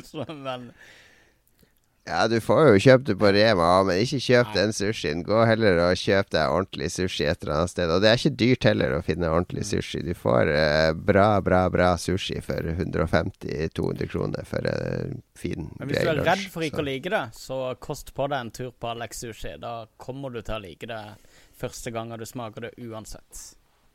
Oh yeah. Um, Har du flere spørsmål, Lars. Rikard? Jeg kom bare på min favoritting. Det er at eh, Japan mikser sin østlige og sin gamle tradisjon med vestlig tradisjon på sånn helt absurd kul måte som vel egentlig har fenga Det er vel derfor de er så populære, at de, de, de er en sånn kulturremix-stasjon i hele Japan. De tar inntrykk Sånn- fra rundt omkring og kjører det gjennom Japanmaskinen, og så blir det bare enda mer awesome. Sånn samuraier i næringslivet og Ja, nei, Ja, men altså, he hele, hele det japanske samfunnet er jo på en måte bygget opp på å ta, eh, i hvert fall i moderne tid, å ta, liksom, ta vestlige tanker, men å bare forbedre det. Og det er noe, som, det er noe de har gjort siden 1870-tallet. Ja. Eh, det, da det sånn at altså, da, da, da gikk Japan fra sånn føydalsamfunn til å bli sånn moderne, høyteknologisk samfunn. Og da dro de på sånn hele, hele den japanske regjeringen tok seg to år fri for å dra på sånn studietur eh, til Europa. Og liksom dra innom England og Frankrike og Tyskland og sånn, bare for å liksom ta det de hadde, men gjøre det mye bedre. Og det er det de fortsetter med å gjøre nå. Ja, det- har jo blitt en kultur som verdsetter veldig å replikere det. Eh, og du ser at veldig mye handler om Hvis du ser liksom på musikere, så handler det ofte om å kunne spille noe noen andre har lagd. Det er ikke så viktig Altså Nå snakker jeg ikke om de klassiske musikerne, dette her, det er et kapittel for seg sjøl, obviously. Men veldig mye handler om å replikere og bare være i stand til å gjøre noe vanskelig, da. Uh, som allerede er på en måte tegna opp. Og, er, og der kommer du igjen inn i det der greia med å terpe og terpe og terpe. Og, og bare Det er ikke så viktig at du kreativt har konstruert det. Det viktigste er å bare perfeksjonere det. Og bare pusse og gnukke til du ja, blir gal. Og gal er er det jo. nesten rasistisk i dag òg, følte jeg. Nei, men jeg, jeg kan eh, En sånn analogi på det, da. Eh, altså, da Ja, De jævlig smale øyne, da. Men da Michelin-guiden kom til Japan og skulle eh, Og de ville til Tokyo og sette stjerner på, eh, på de sushisjappene og restaurantene der, da. Så jeg, jeg tror de fant Hva de fant for noe? 50-60 forskjellige re restauranter de ville gi eh, tre Michelin-stjerner. Det var helt sykt, da. Stemmer. Og eh, Ja. nesten alle nekta. Um, oh. Og de ble spurt sånn hvorfor de nekta. Eh, Michelin-guiden skjønte det ikke, det var franskmenn. ikke sant? Og de, I Frankrike så handler det liksom om å få respekt for det du har utretta, ikke sant? Og, og liksom bli litt sånn hylla, da. De mente at det var galt å få tre stjerner, for det, det var den høyeste scoren, og det betydde på en måte at ikke det var mulig å ta det lengre. Og men de mente at uh, som kokk så følte de seg aldri Da var de ikke liksom fullstendige før de døde. Så det, de ville være bedre neste dag og neste dag og neste dag. Og hvis de fikk tre stjerner, så var det på en måte et, et sånn sluttkapittel på kvaliteten der. da Så det ville ikke vedkjenne seg den måten å sette karakterer på restaurantene. Det og at de ville ikke at de skulle Det er fordi de har sånn ranking-system i spill som er sånn E, Ja. D, C, B, A, og så blir det ø, S. SS, SS, stjerne. Altså, det slutter aldri. Det er en sånn greie med at liksom, du eh, det er ikke noe Målet er ikke å komme i mål, på en måte, på det de gjør. Det er bare liksom å, å bare dedikere alt til å perfeksjonere. Men målet vårt med denne podkasten er å komme i mål, og nå er vi jaggu kommet i mål. Fordi nå ser jeg på klokka mi at jeg snart må gå i dusjen, for jeg skal ta toget, morgentoget til Hamar. Ja. Gode, gamle Hamar. Ja, det ble litt seint. Men det var veldig, veldig hyggelig. Veldig hyggelig å ha deg som gjest, Ja, det det. Hasse. Takk for at jeg fikk være her. Ja, Det er en glede. har vel uh, Nå har du vært med i to podkaster, Dustne 'Dustene' og 'Lolbua'. Hva vil du si er den største forskjellen på de to? Sånn teknisk og opplevelsesmessig. uh, teknisk at jeg har veldig dårlig lyd i forhold til alle andre. Uh, og ellers at dere lukter veldig mye bedre enn en Fanny og Magnus. Vanligvis så sender vi ut sånne kort du skal skrape på. Sånn, og så sender vi opp sånn, sånn skilt. 5F, Nå er den grønne. 5F, det er Ja. nå. Smellow Vision. Nei, det har vært en veldig hyggelig uh, sending. Uh, veldig artig å få litt innblikk i gameren Hasse Hope, og hva som skjer eh, i livet til Hasse Hope. Tusen takk for at du tok deg tid til å være gjest, Hasse. Um, vi ser frem til å se mer fra deg på skjermen i nær fremtid. Ikke bare skiskytter-VM, men det blir vel litt av hvert fremover, kan jeg tenke meg. Vi takker alle som har hørt på oss, og som ser på oss. Eh, vet hvor vi kan finnes. Vi er på Facebook, vi er på Twitter, et lolbua. Vi er eh, på LO og på Peach. Eh, alle nye Vi er alltid først i alle nye sosiale medier. Og vi var først med PlayStation 4 Community, før Red Crew og alle de andre. Først og til å gidde å følge med på det. Var vi jo. Men ikke sist. Ja. Eh, nei, vi er aldri sist, alltid først. Vi gir alt, alt opp veldig fort. Det handler om å være veldig tidlig ute, og så gå videre. Finn oss på så- iTunes og gi oss en stjerne eller fem. Bare fem. Ja, gjør det. Gi Ja. oss noen stjerner på Gi oss gjerne noen stjerner på der. iTunes. Vi ligger under dustene per i dag, bare så det er sagt. Nei, nei, ikke gi oss Jo, det er eh, sant. Det er sant. Vi måtte dobbeltsjekke. Men uh... Men ikke gi oss fem stjerner. Nå har Magnus nettopp holdt en tirade om at hvis vi får fem stjerner, så gidder vi ikke å lage mer. Gi oss fire. Så gi oss fire, eller tre. Tre, da har vi noe å Gi oss- det vi har eh, lyst på, er tre stjerner og en haug med folk som sier at vi er helt OK, og at vi, vi møtte på en måte det der forventa av en podkast, men ikke så mye mer. Da er vi akkurat der vi ønsker å være. Jeg syns folk skal gjøre det sånn noe- som i japanske spill, så gjør de oss SS, en karakter som ble innført under andre verdenskrig. nice. Hitlinger, kom med der. Aldri en sending uten Hitler-vits ja, yeah, fra Lars. Kom seint, men godt. Yes. Seint, men Seint, godt. men godt. Takk for i dag. Takk for at du hørte på. Vi høres igjen om en uke. Ha det bra, bra. folkens. Gambarimasho!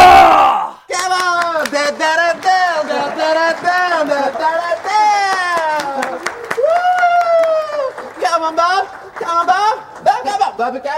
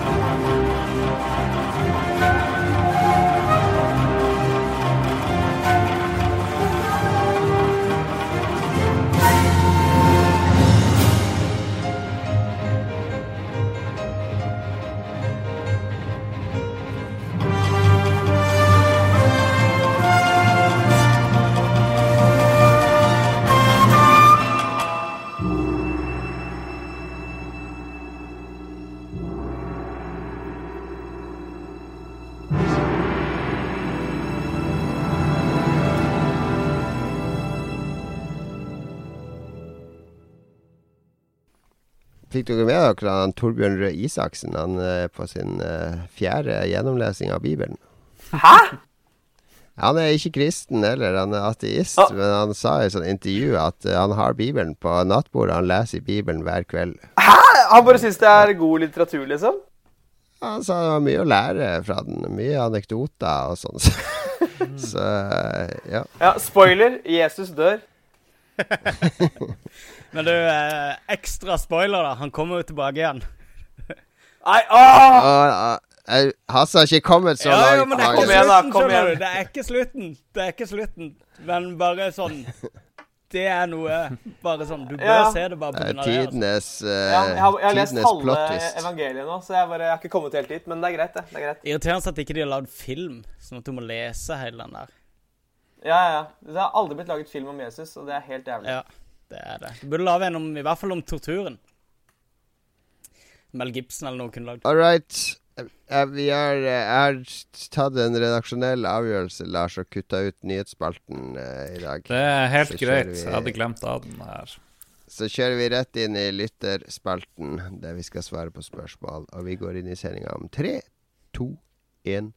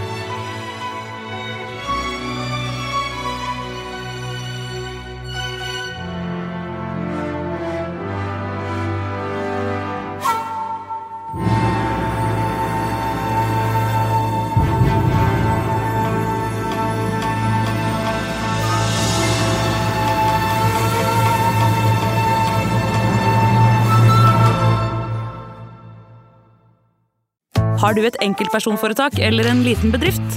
Da er du sikkert lei av å høre meg snakke om hvor enkelt det er med kvitteringer og bilag i fiken, så vi eh, gir oss her, vi. Fordi vi liker enkelt. Fiken superenkelt regnskap.